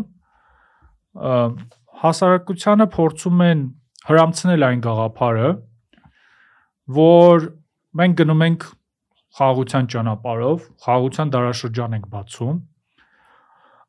պետք է ինչ որ ցավոտ զիջումների գնալով խաղաղություն հաստատել։ Շատ օրինակ պոպուլյար էր վերջին շրջանում այն նարատիվը, որ պետքա մասը կորցնելու միջոցով փրկել ամբողջը։ Խոսքը այդ պարագայում Արցախի մասին էր։ Արցախ տանք հանգիստ ապրենք դրա մասին է խոսքը։ Ну դրա ավելի բարդ տարբերակն է, ավելի ավելի հիմնա, այսինքն ինչ որ հիմքեր կան այդպիսի մտածելակերպի մեջ, մարդիկ ինչ որ հաշվարկներ էին անում, ասում էին դե համեմատեք մեր ռեսուրսները Ադրբեջանի ռեսուրսների հետ, մեր ռազմական ծախսերի իրենց ռազմական ծախսերի հետ հաշվի առեք նաև որ Արցախը արդեն դե ֆակտո ռուսական վերահսկողության տակ է ու մեզնից ընդհանրապես բան կախված չի։ Այսինքն այդպես էին մտածում, կարծելով թե Ադրբեջանը ստանալով այդ ամեն ինչը ինչ որ բայի համաձայնելու է Հայաստանի նկատմամբ այս ուժային ճնշումը դադարեցնել դադարեցնել, բայց այս վերջին դեպքերը ցույց են տալիս, որ նույնիսկ եթե Հայաստանի իշխանությունները այս փուլում գնան ու ստորագրեն այդ փաստաթուղթը, ճանաչեն տարածքային ամբողջականությունը Ադրբեջանի, Ադրբեջանի պահանջները հիմա այնքան մեծ են ու այնքան մաքսիմալիստական են, որ այդ նույն խաղաղությունը չի լինելու։ Եվ ես հիշում եմ շատ լավ տարբեր խոսակցություններ պատերազմից հետո, երբ նույնիսկ ինչ որ փակ քննարկումների ընթացքում այդ հաշվարկները անում էին։ Ասում էին, դե օրինակ մենք ինչ որ տնտեսական հաշվարկներ էին անում, ասում էին օրինակ բանակը զինելու համար պետք է էս ինչ անել, էս ինչ անել ու միևնույն է, եթե նույնիսկ այդ ամեն ինչ անենք չեն կարողանալու։ Հիմա 2 տարի է անցել։ Իշխանությունները գալիս են ազգային ժողովի ամբիոնից, ասում են մենք փող ունենք, բայց չենք կարողանում զենք առնել Այսինքն երկու տարի մտածում էին, որ մեկը փող չենք ունենալու։ Իմաստը ո՞րն է ճանա բանակ բանակի վերազինման ճանապարհով գնալ կամ բանակի ռեֆորմի ճանապարհով գնալ։ Ու մեծ հաշվով որևէ լուրջ քայլեր չեն ձեռնարկել այդ ուղղությամբ։ Եթե ձեռնարկած լինեին, Ադրբեջանը հիմա նմանատիպ պահվածք չէր ունենա։ Հիմա էլ արդարանում են, ասում են փող փող ունենք, չենք կարողանում զենք առնել։ Լավ, եթե փող ունեք, զենք չեք կարողանում առնել, ուրեմն դուք սխալ տեղ եք գտնվում, էլի։ Չեք չեք համապատասխանում զբաղեցրած պաշտոնների պահանջներին։ Այսինքն այն կարևոր արձանագրումը, որ եթե լավ, օքեյ, մենք գնում ենք այդ խաղաղության օրակարգով։ Ասենք թե Ադրբեջանն էլ է համաձայնում, ուզում է, ասենքն կոնստրուկտիվ ինչ որ պարտներ ունեն խաղաղության գործընթացում եւ հաստատվում է օրինակ այդ խաղաղությունը։ Բայց այդ պլան B-ն, որ եթե Ադրբեջանը չի գնում այդ խաղաղության ճանապարհով, եթե Ադրբեջանը շատ ավելին է ուզում, քան մենք կարող ենք տալ, Ինչ ենք անում այդ այդ ժամանակ չկար այդ պլան B։ Իսկ պլան B-ն པարզ է ինչ ինչ պիտի լիներ որ խաղաղության խաղաղության օրակարգին զուգընթաց ինչ ինչը մեծ հաշվով այս փուլում այնպիսի օրակարգ է, որը դժվար էր ճանենալ, այսինքն Հայաստանը չէր կարող պատերազմում պարտությունից հետո գալ ու ինչ որ ռևանշիստական հայտարարություններ անել կամ ռևանշիստական ինչ որ քաղաքականություն վարել։ Բայց նույնիսկ խաղաղության իսկ ինչ չէր կարող։ Դե որտեվ չուներ այդ ռեսուրսները որովհետև բանակը գիտենք ինչ վիճակում է գտնվում պատերազմից հետո, առաջնագիծը գիտենք ինչ վիճակում է գտնվում։ Բայց նույնիսկ եթե դու գնում ես խաղաղության օրակարգով, խաղաղության ճանապարհով ու դրան զուգահեռ քայլեր չես ձեռնարկում կամ ռեալ քայլեր չես ձեռնարկում քո կարողությունները վերականգնելու ուղղությամբ, վերջում այդ խաղաղության գործընթացը դառնալու է պարզապես քեզ ինչ որ պահանջների պարտադրման գործընթաց, ինչի է տեղի ունենում վերջին կարելի ասել 1 տարվա ընթացքում։ Բայց հիմա այդ այդ նարատիվը դուրս եկավ էս վերջի պատ, չգիտեմ ինչ ասեմ, պատ միկրոպատերազմից հետո։ Դժվար է դեռևս ասել, իրականում փորձ ցույց է տալիս, որ Ադրբեջանը ամեն նմանատիպ էսկալացիայից հետո կարողանում է հասնել նրան, որպեսզի Հայաստանի իշխանությունները նորանոր զիջումների գնան։ Ոնց զոտ ուժով Այո,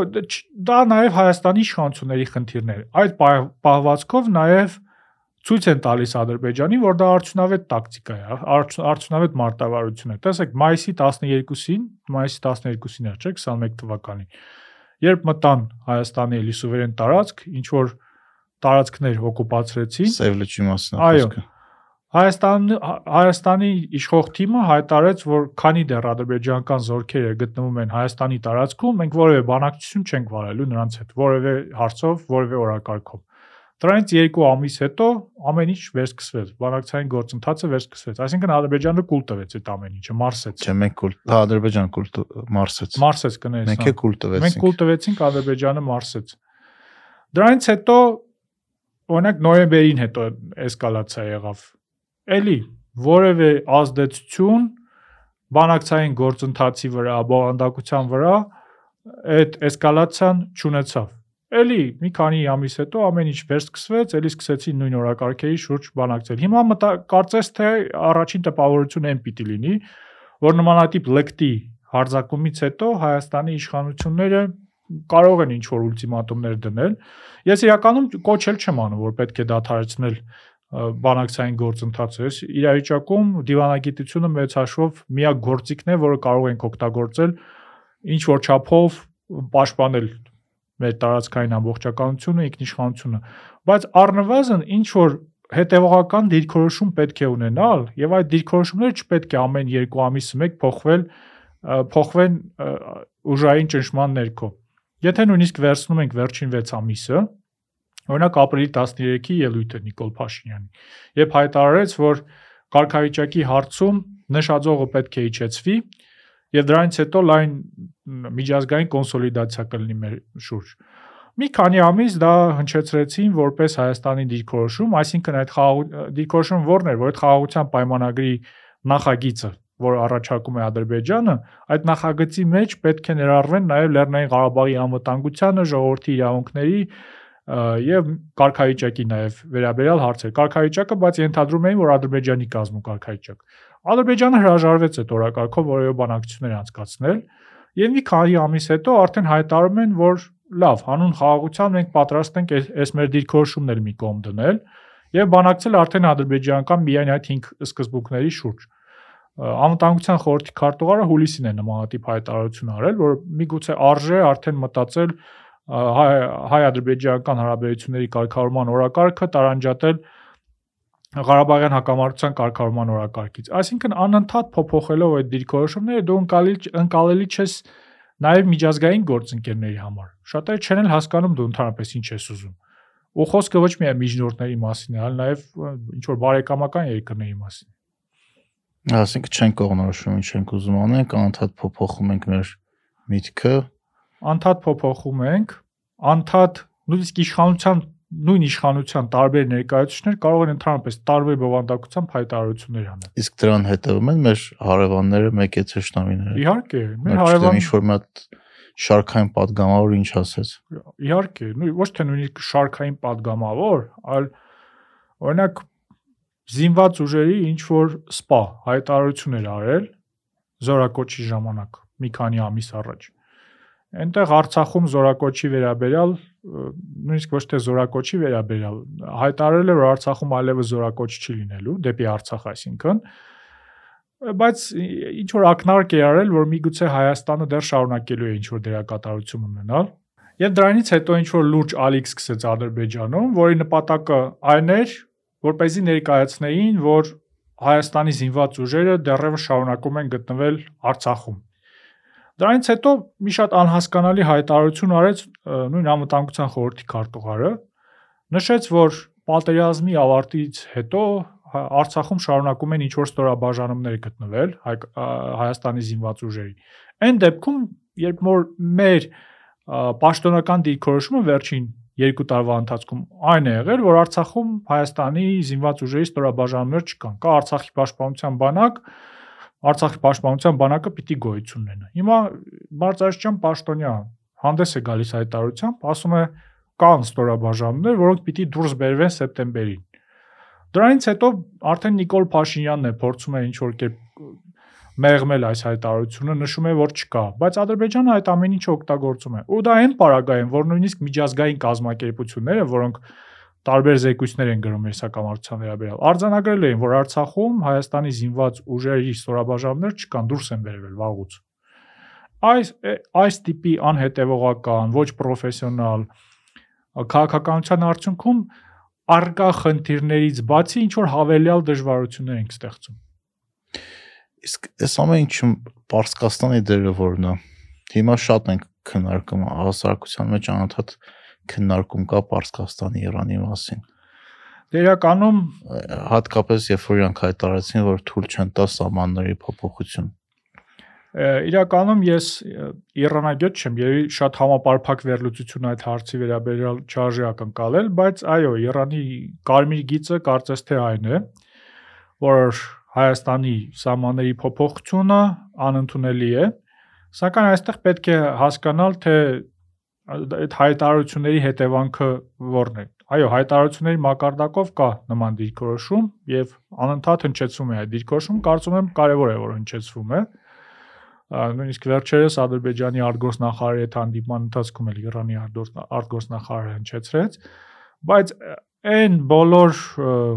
մտատանջանքները, որ հեսա Իրանը կգա զորք կմցնի, կկանգնեցնի Ադրբեջանին, եթե Ադրբեջանը ինչ որ գործողություն ձեռնարկի,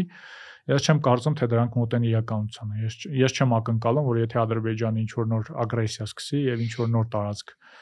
օկուպացնի Իրանը ինչ որ լուրջ գործողություններ իրականացնելու։ Իրականում Ղարաբաղյան երկրորդ պատերազմի ընթացքում Իրանի պահվածքը եւս այդ առումով բավականին հետաքրքիր էր եւ անընդհատ էլ ինչ որ հայտարարություններ էին հնչվում նույնիսկ զորքեր էին կուտակել սահմանին բայց այդպես էլ որևէ լուրջ քայլերի չդիմեցին ինչի որտեղ իրանք իրանք խնդիրներ ունեն հա այդ գլխացավը իրանք է պետք չի չէ իրականում պարզապես բավականին բարդ է մտնել մի տարածք որտեղ արդեն կա այլ երկրի այլ օտար երկրի ռազմական ներկայություն, ասենք նույն Սյունիքի տարածքում չնայած տեսանք ինչպես իրենց պահեցին այս վերջին էսկալացիայի ընթացքում ռուսների մասին է խոսքը։ Նույն ռուսների մասին է։ Բացի այդ շատ այլ գործոններ կան, որոնք քիչ հավանական են դարձնում այդ Ադրբեջանի եւ Իրանի ինչ որ ռազմական բախումը։ Օրինակ։ Դու Թուրքիայի գործոնը նույն, ասինքն այստեղ խոսքը ոչ միայն ինչ որ լոկալ պատերազմի մասին է լինելու արդեն արդեն կարող է կարող է Հայաստանը այդ սցենարի դեպքում Սիրիա դառնալ օրինակ Բայց հնարավոր է սցենարը։ Դե էլի նույն նույն նույն ձև պետք է պատասխանեմ, որ կարծես թե չէ, որ նայում ես պիտի որ հնարավոր չլինի, բայց այնպես նույնն էլ օրինակ այն ինչ տեղի է ունենում Ուկրաինայում։ Միջև փետրվարի 23-ը արեմուտքի լավագույն անգլերեն ասում են Kremlinologist, այսինքն Ռուսաստան ուսումնասիրող Ռուսաստանագետ Ռուսաստանագետները մեծամասնություն, ճնշող մեծամասնությունը բացառում էին, որ նմանատիպ զարգացումը հնարավոր է։ Բայց տենց է որ Հա, հա, ես ակտիվ հետևում եմ բոլորի։ Պատերազմից երկու օր առաջ ինձ Վաշինգտոնի ընկերներից մեկը գրեց, նա ասաց ամենայն հավանականությամբ մի քանի օրից սկսելու է ու բանալ այդ խոսակու ընկերների հետ Ուկրաինա Ուկրաինա ընկերներին որ զանգեց ասի ժողովուրդ ոնց որ հավանականություն կա որ սկսելու է տենց ուզում եք եկեք մեր տունը մնացեք շատ տեղ կա ոչ մեկ չէր հավատում որ կարա տես բանը լինի դե հա տեսեք միացյալ նահանգներն էլ էին օրինակ մի քանի արդեն շփհատ պատերազմից առաջ զգուշացնում որ որոշումը կայացված է որ ինչ որ intelligence կա արդեն որ դե արդեն մի քանի օր առաջ այդ ուղաթիռները կուտակում է կար սամանի վրա այդ հա, նկարներն է կային։ Նույնիսկ այդ ամեն ինչը հաշվի առնելով հարցով զբաղվող փորձագետների ճնշող մեծամասնությունը խոսքը ինչ որ անհայտ փորձագետների մասի չէ։ Մարդիկ ովքեր համարում էին լավագույն փորձագետները այդ ոլորտում դրանց ճնշող մեծամասնությունը այդ թվում նաև Ռուսաստանի ներսում քիչ թե շատ անկախ եթե փորձագետների մասին ենք խոսում ասում են որ քիչ հավանականություն կա բայց ամենայն հավանականությամբ չի լինելու ինչ ինչ ինչու էին այդպիսի օրինակ վերլուծություն արել, որովհետև չոր ռացիոնալ հաշվարկ էին արել։ Այ եթե Ռուսաստանը այս պատերազմը սկսի, ինչպիսի հետևանքներ են լինելու տնտեսության համար, ինչպիսի բարդություններ են լինելու, այդ ռացիոնալ հաշվարկի հիման վրա կանխատեսել էին, որ պատերազմը երևի չի լինելու։ Այդ թեմայով ի դեպ Ռուսաստանի այս foreign policy establishment-ի բավականին հայտնի ներկայացուցիչ կա մի հատ Իվան Տիմոֆեև, տենց ինքը կարելի ասել mainstream վերլուծաբանը, այսինքն Ռուսաստանի այդ պետական պետական think tank-ում է, ասենք աշխատում, բայց ավելի ազատ է մեկ-մեկ արտահայտում, քան մյուսները։ Ինքը ուկրաինական պատերազմի մեկնարկից հետո մի ինքնախոստովանական հոդված է գրել, որի վերնագիրը այսպեսին էր. մենք մենք սխալվեցինք, որովհետև մենք ճիշտ էինք ռացիոնալ էին, այսինքն մտածում։ Հա, այսինքն բոլոր ռացիոնալ հաշվարկները արել էին, բոլոր հետևանքները հաշվարկել էին եւ մտածում էին, որ հիմարություն կլինի այդ պատերազմը սկսել։ Եվ հիմա նույնը կարող ենք նստել, խոսել միջազգային տարբեր դերակատարների դերի մասին, կարող ենք իրականում Ադրբեջանի գործողություններն էլ էին վերջին շրջանում այդպես այդպես վերլուծում։ Ասում են դե ինչա պետք օրինակ, ինչին է պետք մտնի Հայաստանի տարածքում ինչ որ գործողություններ իրականացնի, այդ միջազգային թուքումորը ուտի։ Հիշում ենք, որ օրինակ առաջին նախագահը ասում էր որ զարմացած է, որ Ադրբեջանը այսքան ապակառուցողական պահվածք է դրսևորում, որովհետև հաղթողները պետք է, չգիտեմ, գթասիրտ լինեն, դեն ինչ որ նման հայտարարություններ արեն, բայց այսպիսի մոտեցման մեջ երկու խնդիր կա։ Առաջին խնդիրը այն է, որ Առաջին նախագահը համեմատելով Հայաստանի պահվածքը 90-ական թվականներին եւ Ադրբեջանի պահվածքի հիմա չի հաշվի չեր առնում, որ ժամանակներն են փոխվել։ 90-ական թվականներին իրոք այսպիսի պահվածքը, որ ունի Ադրբեջանը, շատ ավելի լուրջ հետևանքներ կունենար։ Որտեւ ինչ որ այն ժամանակ ասում էին լիբերալ աշխարհակարգ կամ միաբևեռ աշխարհակարգ, այդ անգլերեն ասում են unipolar moment։ Միացյալ Նահանգները ԽՍՀՄ փլուզումից հետո միակն էին։ Միակն էին, հա, մի 10 տարի իրանք էին կանոնները թելադրում, 10 տարի չի իրականում ավելի շատ, բայց նո դա բանի հարց է, արդեն բանավեճի հարց է։ Ինչ որ նորմեր կային, որոնք փորձում էր Միացյալ Նահանգները ինֆորս անել օրինակ Հիմա նմանատիպ բան չկա։ Միջազգային իրավունքի, միջազգային հանրության դերը տեսնում ենք, թե ինչքան է նվազել նույն մեն տարածաշրջանում։ Իսկ ինչի՞ դա տեղ ունեցավ։ Դե իմ կարծիքով, եթե միացյալ կարևոր այդ տանը չհասկանալ էլի։ Եթե միացյալ նահանգների տեսանկյունից ենք նայում, կարծում եմ մի շարք լրջագույն սխալներ են թույլ տվել իրենց արտաքին քաղաքականության մեջ։ Այդ անիմաստ պատերազմները Իրաքում, Աֆղանստանում, դե Իրաքի պատերազմը դա աշխարհակաղակական ինչ որ տրագիկոմեդիայի ամենավառ օրինակն է, երբ իրենց տարածաշրջանային գլխավոր հակառակորդին զսպող պետությանը, Իրանին զսպող պետությանը ոչնչացրել են եւ մեծ հաշվով Իրանի համար շատ նպաստավոր պայմաններ ստեղծել տնտեսական մասը Չինաստանի աճը վերջին 20 տարվա ընթացքում այսինքն վաղ թե ուշ տնտեսական նմանատիպ աճը բերում է նաև ռազմական բալանսի փոփոխության։ Ռուսաստանի քաղաքականության փոփոխությունը 2007-2008 թվականից սկսած Պուտինի հետ հայտնի Մյունխենյան ելույթից հետո երբ Ռուսաստանը դե ռուս-ամերիկյան հարաբերությունների մասին որ խոսում ենք դա ավելի լուրջ խոսակցության թեմա է երևի, որովհետև Ռուսաստանը 90-ական թվականներին եւ մինչեւ 2000-ականների սկիզբը ինչ որ սպասելիքներ ունեին արեմուտքից, ցանկանում էին ինտեգրվեին այդ համակարգերում, կառույցներում։ Խնդիրը այն էր, որ արեմուտքում ոչ ոք չէր ցանկանում Ռուսաստանի ինչ որ արտոնյալ պայմաններ տալ այդ գործընթացում։ Այսինքն ասում են, եթե ուզում եք օրինակ ՆԱՏՕ-ի անդամ դառնալ, հերթ կանգնեք, բոլոր այդ ընթացակարգերով անցեք, բոլոր պայմանները կատարեք եւ կդառնաք ՆԱՏՕ-ի անդամ։ Ու 90-ական թվականներին Ռուսաստանը իրոք Ռուսաստանը դիսկուրսը կար, որ պետք է ինտեգրվել արևմուտքի հետ։ Նույնիսկ Պուտինը, եթե նայում ենք նախագահության առաջին տարիները, մի քանի ելույթներում հստակ նշել է, որ Ռուսաստանի ճանապարհը դեպի արևմուտք է, դեպի Եվրոպա է, նույնիսկ ՆԱՏՕ-ի մեջ ինտեգրվելու մասին էր խոսում։ Հետո մի պահ հասկացան, որ դա անիրատեսական է։ Այսինքն իրենց երբեք չեն ընդունելու։ Միացյալ Նահանգների տեսանկյունից իհարկե անիմաստ կլիներ Ռուսաստանին ընդունել այդ կառույց, որտեղ ինքը հեգեմոն է, ՆԱՏՕ-ի մասին է խոսքը եւ բերել այդպիսի պոտենցիալ ունեցող երկիր ու մտցնել կառույցի մեջ կարող կային վախեր, որ ինչ որ հակաամերիկյան ալյանս կարող է ՆԱՏՕ-ի ներսում ձևավորել, օրինակ Ռուսաստան, Ֆրանսիա, Գերմանիա, որ կարող էին հակակշռել։ Բացի այդ, Միացյալ Նահանգներում կար նաև մոտեցում, որ Ռուսաստանը declining power, հա, այսինքն վաղ թե ուշ կամ եթե չի ոչնչանալու, բայց այտենց լճացած վիճակում մնալու է։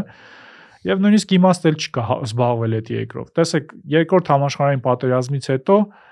հաղթող երկրները պարտված երկրներով շատ լուրջ զբաղվել են։ Եվրոպայում Մարշալի պլանն են իրականացրել, Ճապոնիային դարձրել են օգնել են տնտեսական զարգացման հարցում, ապահովելով անվտանգությունը Ռուսաստանի պարագային որևէ Մարշալի պլան չի եղել սա պատերազմից հետո։ Ու հիմա շատ պոպուլար խոսք է, տերմին է կոչվում է resentiment։ Այդ 90-ական թվականներին կուտակված այդ բոլոր աբիդաները, եթե ռուսերեն ասենք, ոնց հստակ նեղվածությունները, նեղվածությունը, հա։ Ու հստակ կետեր կան, ասենք, սկսած Բելգրադի ռմբակոծությունից շարունակած չգիտեմ, այդ պատերազմներով ինչ որ բախ Պուտինը Պուտինի մոտ այդ տպավորությունը ստեղծվեց IMF-ի պահվածքը։ Այո։ Դե եթե 2000-ականների մասին ենք խոսում,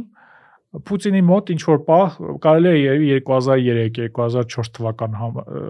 համարել այդ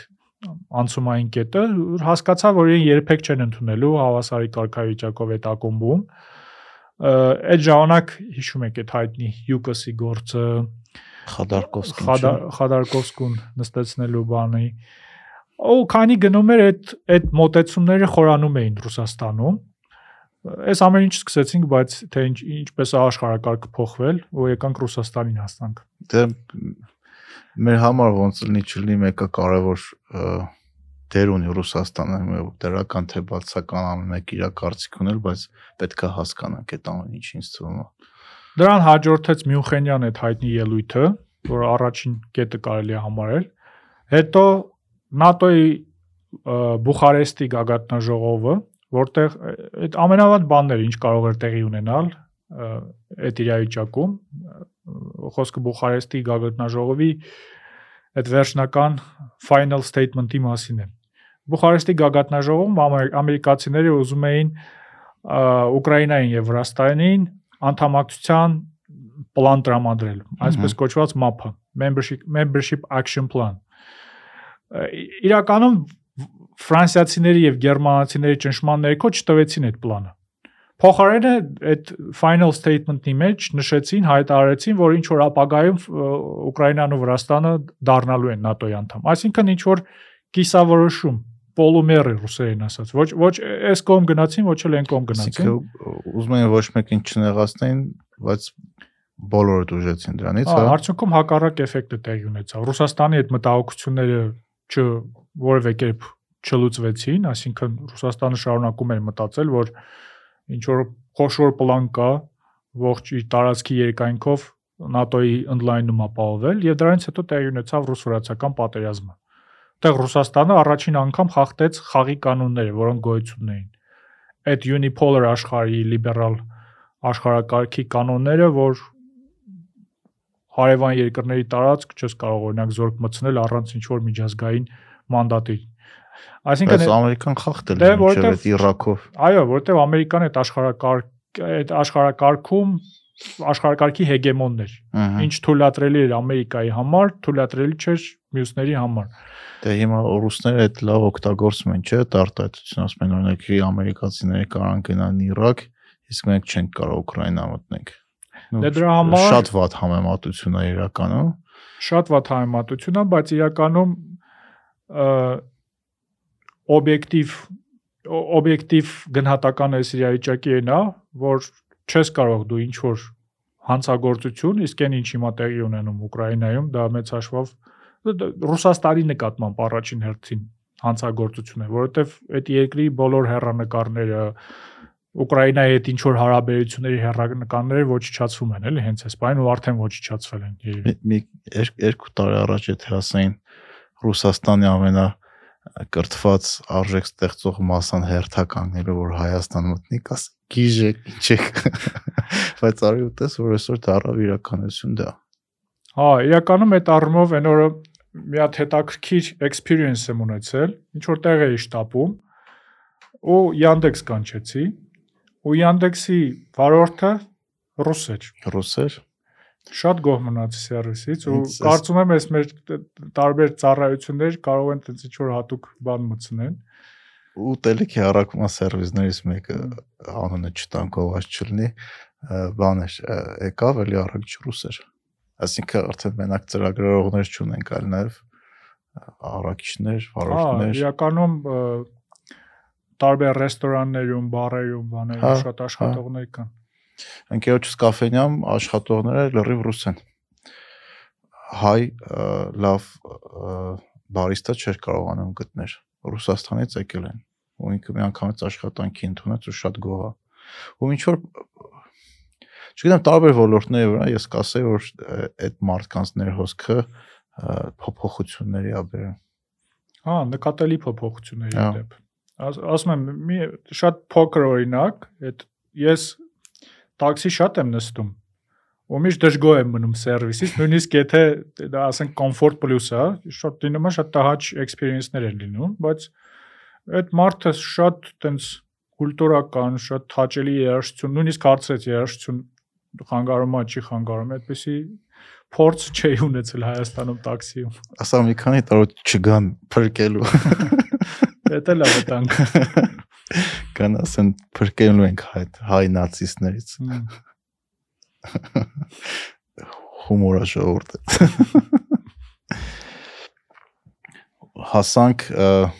Վրաստանի պատերազմին։ Վրաստանի պատերազմով Ռուսաստանը մեծ հաշվով առաջին մարտահրավեր է նետեց այդ աշխարհակարգին։ Իրականում այդ ամեն ինչին զուգընթաց Չինաստանն էլ էր աճում, այդ ֆինանսական ճգնաժամից երևի միակ միակ կենտրոնը, որը կարողացավ ավելի լավ վիճակում դուրս գալ, քան մյուսները, դա Չինաստանն է եղել։ Եվ դրանից հետո հիշում ենք իշխանությանը դե ֆորմալ առումով իշխանությանը գալիս Մեդվեդևը ամերիկացիները փորձում են ինչ որ ու իդեպ նշեմ որ սա էլ է բավականին հետաքրքիր pattern է անգլերեն բառի հետ օգտագործենք միտումա որ ամեն սրացումից հետո միշտ միացյալ նահանգները փորձում են ինչ որ մերձեցման գործընթաց սկսել Ռուսաստանից Ռուսաստանի հետ ու գրեթե միշտ ձախողում են։ Մեր նման են անում էլի, ադրբեջանցիք հարցակվում են, մենք խաղաղություն ենք բանանում։ Հա, բայց չէ, դե իրենք ավելի շատ ուժեղի դիպից են անում։ 2009 թվականին սկսում է այդ Պիրիզագրուսկա կոչված գործընթացը reset որը Մեդվեդևը սկսեց, չէ՞։ Օբաման ու Մեդվեդևը նախաձեռնողը Օբաման է եղել ու այդ գործընթացի ընթացքում մի շարք բավականին կարևոր պայմանավորվածություններ են պայմանավորվածությունների են հասնում այդ միջուկային զենքի շուրջ պայմանավորվածությունն են երկարաձգում այդ SNV կոչվածը այլ հարցերում Ռուսաստանը եթե հիշում եք միանում է Իրանի դեմ պատժամիջոցների այդ ռեժիմին այն ժամանակ որ S400-ները պիտի վաճառեր, պայմանագիրը կար արդեն չի վաճառում, այսինքն անվտանգության խորհրդում էլ է վետո չի դնում այդ բանաձևին ու 2011 թվականին, եթե եթե չեմ սխալվում, 11 թվականին էր, չէ՞, այդ Լիբիայի իրադարձությունները։ Երբ Ռուսաստանին համոզում են, որ เป զի էլի վետո չդնի այդ no fly zone-այի վերաբերյալ բանաձևին, որի իմաստը այն էր, որպեսզի Լիբիայի այդ երկին կփակեն ու բայց որևէ ինտերվենցիայի վերաբերյալ որոշում չկար։ Ու սա կարևոր դեր է խաղացել ոչ միայն աշխարհի պատմության, նաև Ռուսաստանի պատմությանը։ Սա որոշ հայտնի տեսաբաներ կարծում են, որ սա գլխավոր գործոնն է եղել, որպեսզի Պուտինը որոշում կայացնի վերջնականապես վերադառնալու, երբ Ռուսաստանը վետո չի դնում, դրանից հետո և, Լիբիա ինտերվենցիա են իրականացնում ու հիշում ենք ինչա տեղի ունենում Կադաֆիի հետ։ Դրանից հետո Ռուսաստանում են ցույցեր սկսում, Բալոտն է, Սախարովը, Պուտինը այդ տարիներին ոչ միայն Պուտինը, այդ ողջ ուժային վերնախավը, Սիլավիկի կոչվածները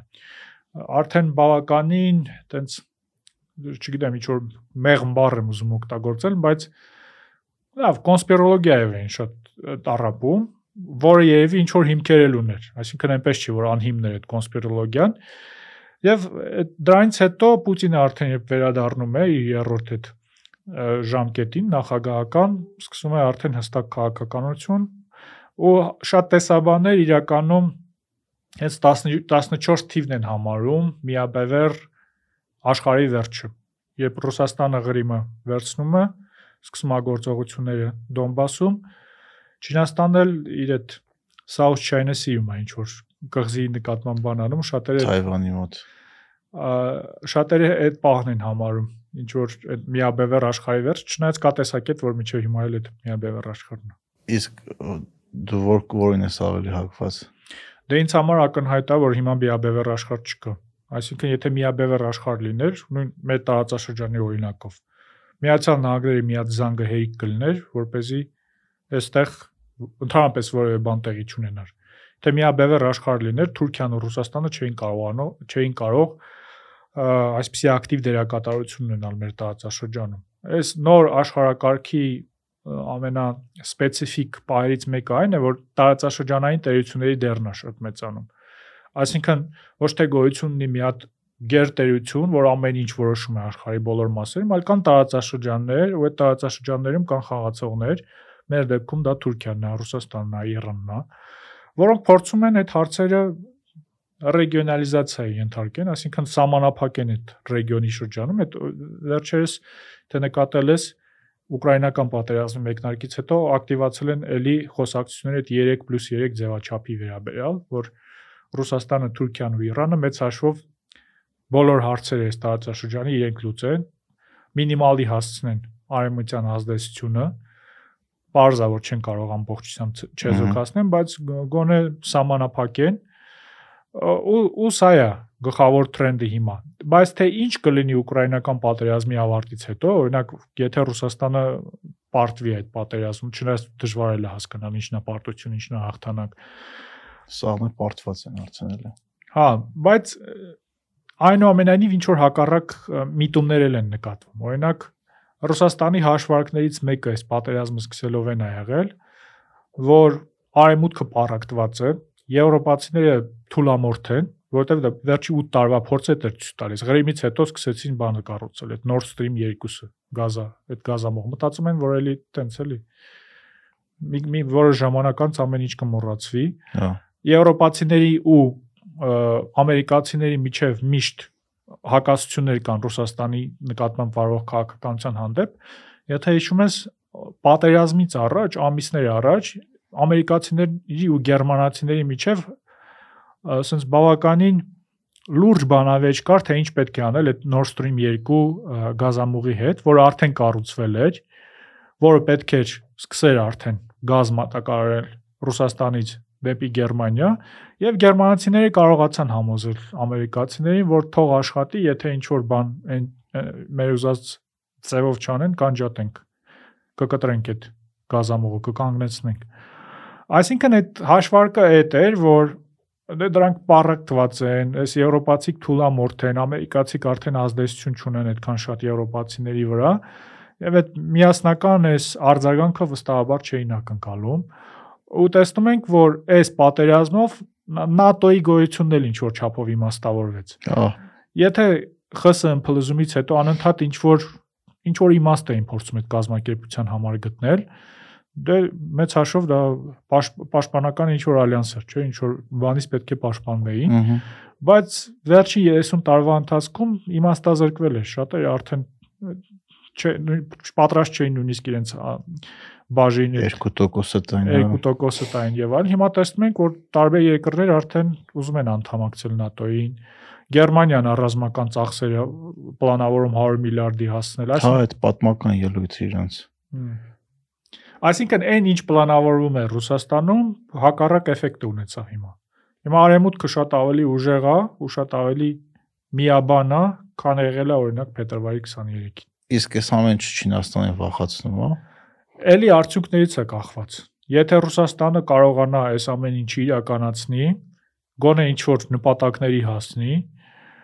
ու չփլուզվի տնտեսապես առաջին հերթին, Չինաստանը կարող է ավելի,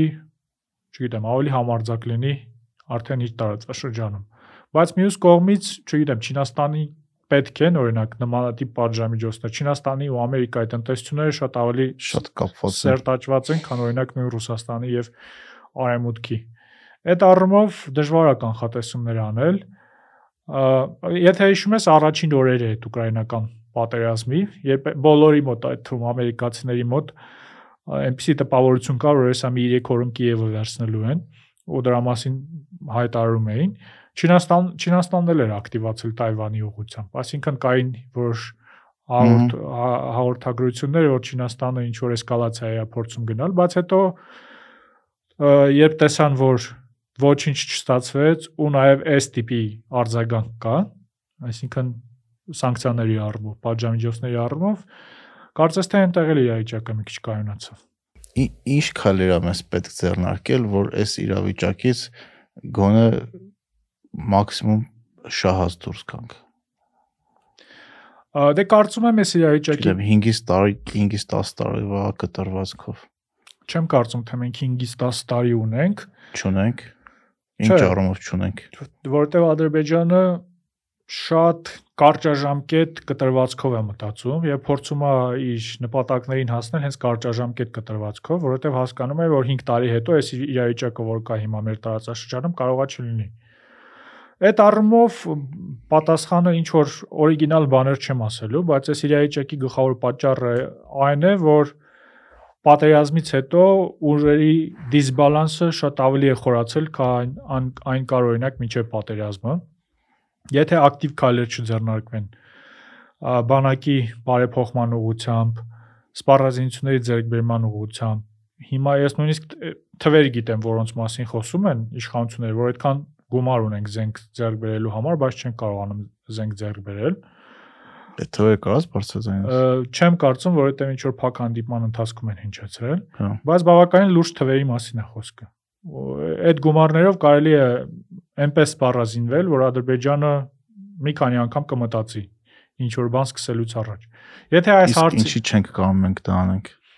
Կամ ինչի Դե- չենք անում։ գլխավոր հարցն է այդ, դե ազգային ժողովի ելույթում Ռուսաստանի վրա ոնց որ գցեցին։ չէ, Ռուսաստանին չէ իրականում այդ ակնարկը վերաբերում։ Միացյալ Նահանգներին, որը թույլ չտալիս Իրանից օրինակ զենք առնենք։ Միացյալ Նահանգների համար Սա հակառակն էին ասում։ Չէ, ես էլ սկզբից այդպես մտածեցի, հետո ասացին, որ Իրանին նկատի ուներ։ Ռուսաստանը այս փուլում իրականում դեմ չէ, որպեսզի մենք այլ շուկաներից զենք առնենք, որովհետև իրենք ի վիճակի չեն ապահովել որևէ սպառազինություններ։ Ես նույնիսկ կարող եմ ասել, որ ամիսներ առաջ նույնիսկ ռուսական կողմը փորձում էր մեզնից հետ գնել ինչ որ սպառազինություն, որ մեզ վաճառել էր միջև հետ։ Այսինքն այդքան Տխուրավիճակ։ տխուրավիճակ է այնտեղ ու Ռուսաստանում շատ լավ հասկանում են, որ եթե իրենք չեն կարողանում ապահովեն, Հայաստանն էլ ինչ որ էգզիստանցիալ վտանգի տակ է գտնվում, չեն կարող նաև խոչընդոտել, որ เป զի այլ աղբյուրներից սպառազինություն գնվի։ Ես իհարկե ռազմական փորձագետ չեմ, չեմ կարող այտենց ինչ որ պրոֆեսիոնալ գնահատական տալ, թե ինչ օպցիաներ ունենք, ինչ այլընտրանքային ինչ շուկաներ կան, բայց ես վստահ եմ, որ այդպիսի ցանկության դեպքում այդ ամենը հնարավոր է իրականացնել։ Ու այս թեմայով միշտ մտածելիս մի մի դրվագ եմ հիշում մի հատ լավ գիրք կա Իսրայելի վերաբերյալ, չգիտեմ կարդացել ես թե չէ, կոչվում է Startup Nation։ Հա, Այդ Startup Nation-ում լավ գիրք է։ հիշում ես էպիզոդ կա, թե 60-ական թվականներին, երբ Իսրայելը ռազմական էմբարգոյի տակ էր գտնվում, այսինքն արևմուտքը հրաժարվում էր Իսրայելին զենք վաճառել, ինչպես էին գնում արևելյան Եվրոպա, երկրորդ համաշխարհային տարիների ռազմական ինքնաթիռներ քանդում զապչաստերի տեսքով, Մաս-մասանում, հա։ մաս-մաս ինչ որ ճամպրուկներով վերում Իսրայել ու հետ հավաքում։ Ու ինքնաթիռներ ինքնաթիռները հավաքում ու օգտագործում։ Ու դրանից 20 տարի հետո Իսրայելը արդեն ռազմական ավիացիա ուներ։ Իհարկե մենք ելի վերադարձանք այդ Իսրայելի հետ զուգահեռներին, որը շատ պոպուլյար է, բայց իրականում ցանկության դեպքում ես վստահ եմ, որ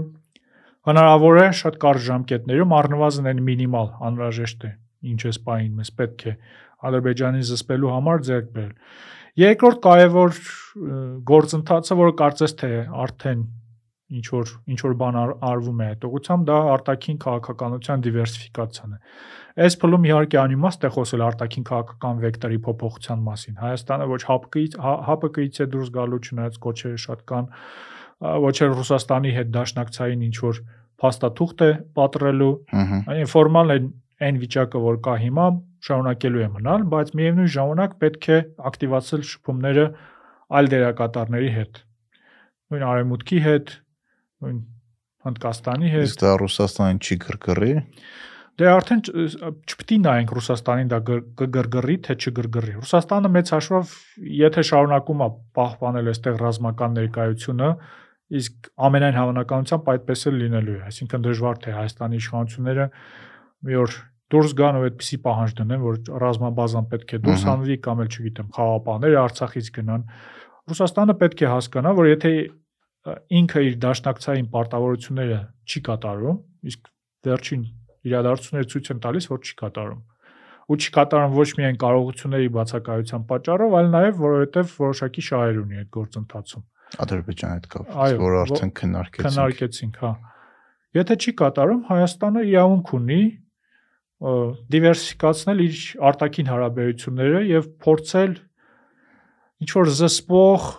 մեխանիզմներ կամ զսպող գործոններ գտնել այլ այլ ուղություններով։ Այսինքն շանս կա որ կատաստրոֆայի չենք գնալի, հա։ Շանս կա, եթե եթե նմանատիպ գործընթացներ սկսվեն, եթե հասկանան Ու կոմպետենտ մարդիկ դրանով զբաղվեն։ Դե կոմպետենտ մարդկանց մասին երբ խոսում ենք, ակնհայտ է նաև որ մոտ ապագայում Հայաստանում դժվար թե իշխանապողություն տեղի ունենա, այսինքն ունեն ունենք այն ինչ ունենք, ու պետք է նաև այդ ունեցածով փորձենք առաջ շարժվել։ բայց ես հույս ունեմ, որ առնվազն ինչ ես տես մտածում ես վերջի թիմ ընտրությունների արդյունքից ելնելով։ Չէ, ոչ միայն թիմ ընտրություններից, որովհետև դե գիտենք Հայաստանում քաղաքական առումով ինչ իրավիճակ կա։ Այսինքն կա երկու բևեռ, ու այդ երկու բևեռը միմյանց սնեցնում է։ Այսինքն մեկի գոյությունը պայմանավորված է մյուսով։ Քանի դեռ մեր անդիմությունը այն անդիմությունն է, որ կա, Նիկոլ Փաշինյանը կարող է նույնիսկ տարածքային կորուստներով, նոր աղետներով վերընտրվել։ Քանի դեռ կա Նիկոլ Փաշինյանը որպես իշխանություն, այս ընդդիմությունն էլ ամենայն հավանականությամբ կարողանալու է ինչ որ ներկայությունը պահպանել քաղաքական դաշտում։ Չգիտեմ, ինչ որ միգուցե տարիներ հետո, 5 տարի հետո ինչ որ այլ ընտրանք միգուցե ձևավորի, բայց այս փուլում չի երևում այդ այլ ընտրանքը։ Բայց նաև դու նշեցի, որ ժամանակ շատ չունենք որտեղ Ադրբեջանը կարճաժամկետ աշխատում։ Այո, ճունենք ժամանակ եւ միակ հույսը է նա, որ գոնե այս վերջին 2 տարվա սխալների ինչ որ դասեր քաղվել են։ Ես նույնիսկ չեմ խոսում 20 թվականի պատերազմի մասին, որովհետեւ 20 թվականի պատերազմում պատասխանատվության հարցը շատ ավելի բարդ խնդիր է, ընդհանրապես սխալների հարցը, ով ինչքան պատասխանատվության ինչ բաժին ունի։ Պարզա որ ոչ միայն այս իշխանություններն են պատասխանատու այդ պարտության համար բայց այս վերջի երկու տարում ինչ տեղի ունեցել է, այստեղ այլ արդեն չի ստացվելու։ Դուրս գալ ու ամբիոնից հայտարել, որ այ տեսեք ամեն ինչ արդեն վաղուց որոշված էր։ Նախկիններն են մեղավոր։ Նախկիններն են մեղավոր կամ հիմա էլ չնայած այլ միտում կա, որ օրինակ հիմա էլ փորձում են Ռուսաստանի վրա այդ բանը գցել, բայց միևնույնն է, պետք է հասկանալ, որ Ռուսաստանը խոշոր խաղացող է, ունի իր շահերը եւ առաջաշարժում իր շահերը։ Դու այդ ամեն ինչ պետք է հաշվի առնես ու քո առնվազն տնային աշխատանքը կատարես։ Ահա Եթե այս վերջի 2 տարում չես կատարել քո տնային աշխատանքը, լավ, 2 տարի չասենք, որովհետեւ միջև արտահերտ ընտրությունները գիտենք թե ինչպիսի իրավիճակ ա եղել երկրում։ Գոնե վերջի քաոս էր։ Գոնե վերջի 1 տարվա ընթացքում Եթե առարկայական քայլեր չես ձեռնարկել, եթե չես հասկացել անգլերեն էլի լավ բառ urgency-ն էլի of the situation։ Կարևորությունը ինչքան շտապ ու կարևոր է։ Այդ վտանգը ինչքան է մոտալուտ, էլի։ Ադրբեջանը այդ նույն իրավիճակը կար նաև 20 թվականի պատերազմից առաջ, երբ չէին հասկանում ինչքան է մոտ պատերազմը։ Ու հիմա էլ կա։ Հիմա ես գոնե հույս ունեմ, որ հասկացել են, որ դե իր ելույթները Նիկոլ Փաշինյանի ելույթներն էլ եթե նայենք, բարբերաբար նշում է, որ Ադրբեջանի խաղաղություն չի պետք, Ադրբեջանի շատ այլ բաներ են պետք։ Գոնե եթե այդ ընկալումը կա, Եվ գոնե եթե կա անկալում, որ շատ ժամանակ չունենք, պետք է շատ արագ գործել։ Այս խնդիրները մի կողմ դնել բոլոր այդ ընթացակարգերը, չգիտեմ ինչերը, եւ փորձել այս ընթացակարգերի վերաբերյալ մի հետաքրքիր պատմություն կհիշեցնես այս միտքը ավարտելուց հետո պատմեմ ու ցույց տանք թե ինչքան որպեսզի ցույց տամ թե ինչքան абսուրդ իրավիճակ է, էլի։ Okay Այսինքն կա կոնկրետ խնդիրներ, բոլոր միջոց կոնկրետ խնդիր պետքա բոլոր միջոցներով լուծել այդ խնդիրը։ Ու չնայել արդեն ինչ կասեն միջազգային հանրությունը ինչ կասի, էս էլ է կարևոր մի հատ միտում։ Վերջին 1 տարվա ընթացքում մեծ հաշվով Հայաստանի բոլոր Հայաստանի արտաքին քաղաքականությունը հանգում էր նրան, որ մենք պետք է ամեն ինչ անենք, որպեսզի մեր դիրքորոշումները համապատասխանեն միջազգային հանրության դիրքորոշմանը, դիրքորոշումներին։ Ու բոլոր գործընթացներում այդպես էին անում Ղարաբաղի հարցում հիշում ենք այդ նշաձողի իջեցման վերաբերյալ ելույթը չնայած իմ ունեցած տվյալները ոչ մեկ չի էլ չի իջացրել նշաձող։ Չի էլ խնդրել Հայաստանի, որպեսզի նշաձող իջեցնի։ Մենք ենթադրում ենք։ Հա, բայց նույնիսկ այն ժամանակ, երբ ասում էր նշաձողը իջեցնելու իջեցնելու ենք ու ինչ որ լայն կոնսոլիդացիա է լինելու Հայաստան շուրջ, տեսանք չէ որ չկա ոչ մի կոնսոլիդացիա։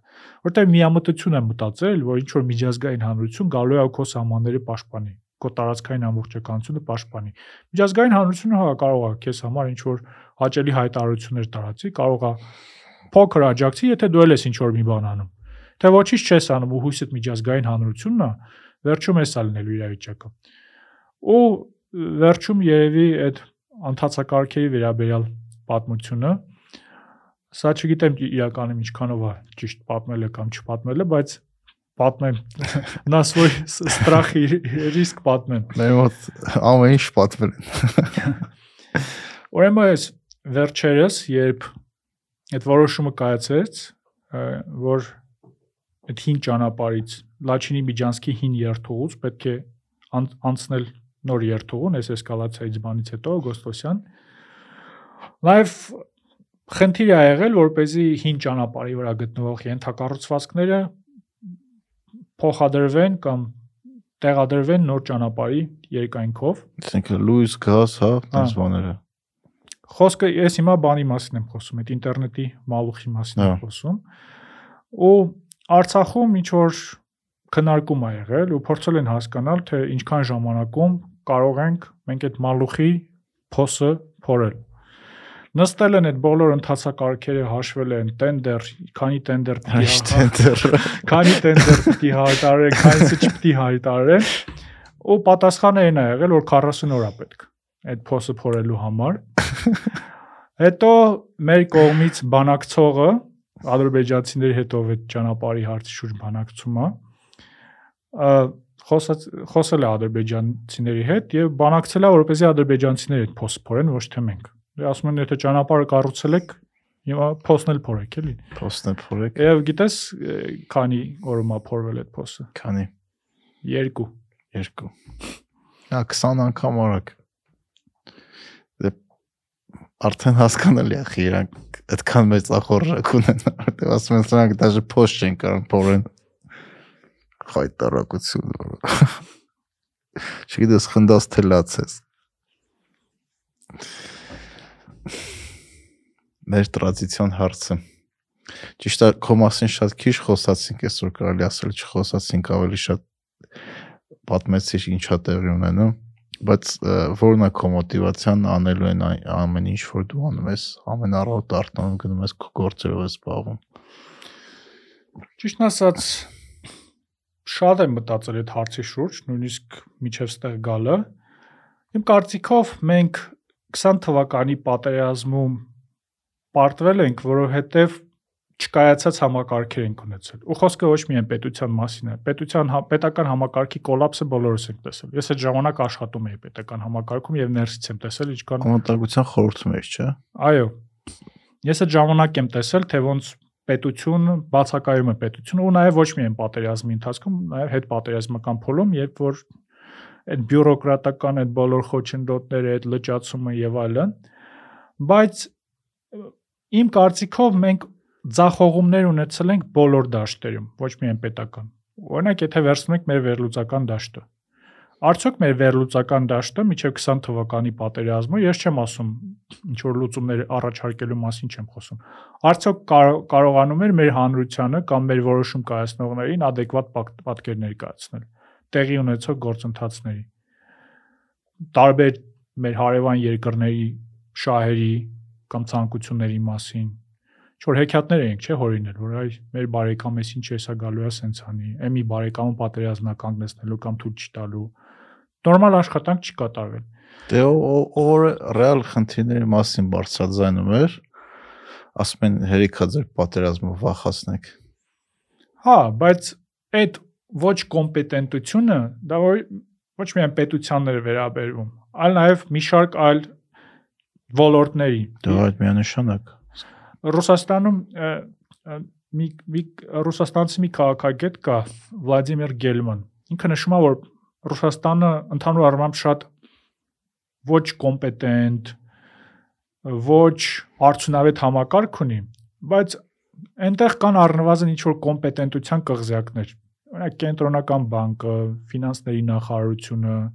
ինչ որ կան ոլորտներ, որտեղ իրոք շատ բարձր մակարդակի պրոֆեսիոնալներ կան։ Հայաստանում էլ երևի կան այդպիսի կոմպետենտության կղզյակներ։ Բայց ընդհանուր առմամբ եթե խոսքը մեր դաշտի վերաբերյալ է վերաբերում,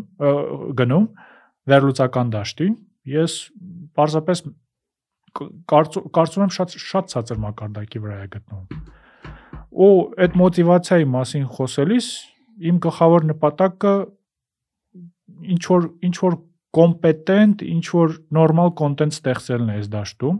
Ես էլ շատ հաճախ գող չեմ լինում այն կոնտենտով, որը ես ստեղծում եմ ու անընդհատ աշխատում եմ, որպեսզի այդ կոնտենտը ամեն օր ավելի որակյալ դառնա։ Ա- Ամե իրականությունը ներկայացնի այնպես, ինչպես կա, այլ ոչ թե այնպես, ինչպես մենք երազում ենք կամ ինչպես այնպես, ինչպես մարդիկ են ցանկանում լսել, որովհետև եթե հիմա նայես օրինակ թե Հայաստանում ում են լսում օրինակ արտաքին քաղաքական հարցերով կամ այլ քաղաքական հարցերով հիմնականում մարդիկ են, ովքեր ինչ որ հեքիաթային պատկեր են ներկայացնում, որ այսինքն խոսում են ինչ որ բաների մասին, որոնք իրականում չկան։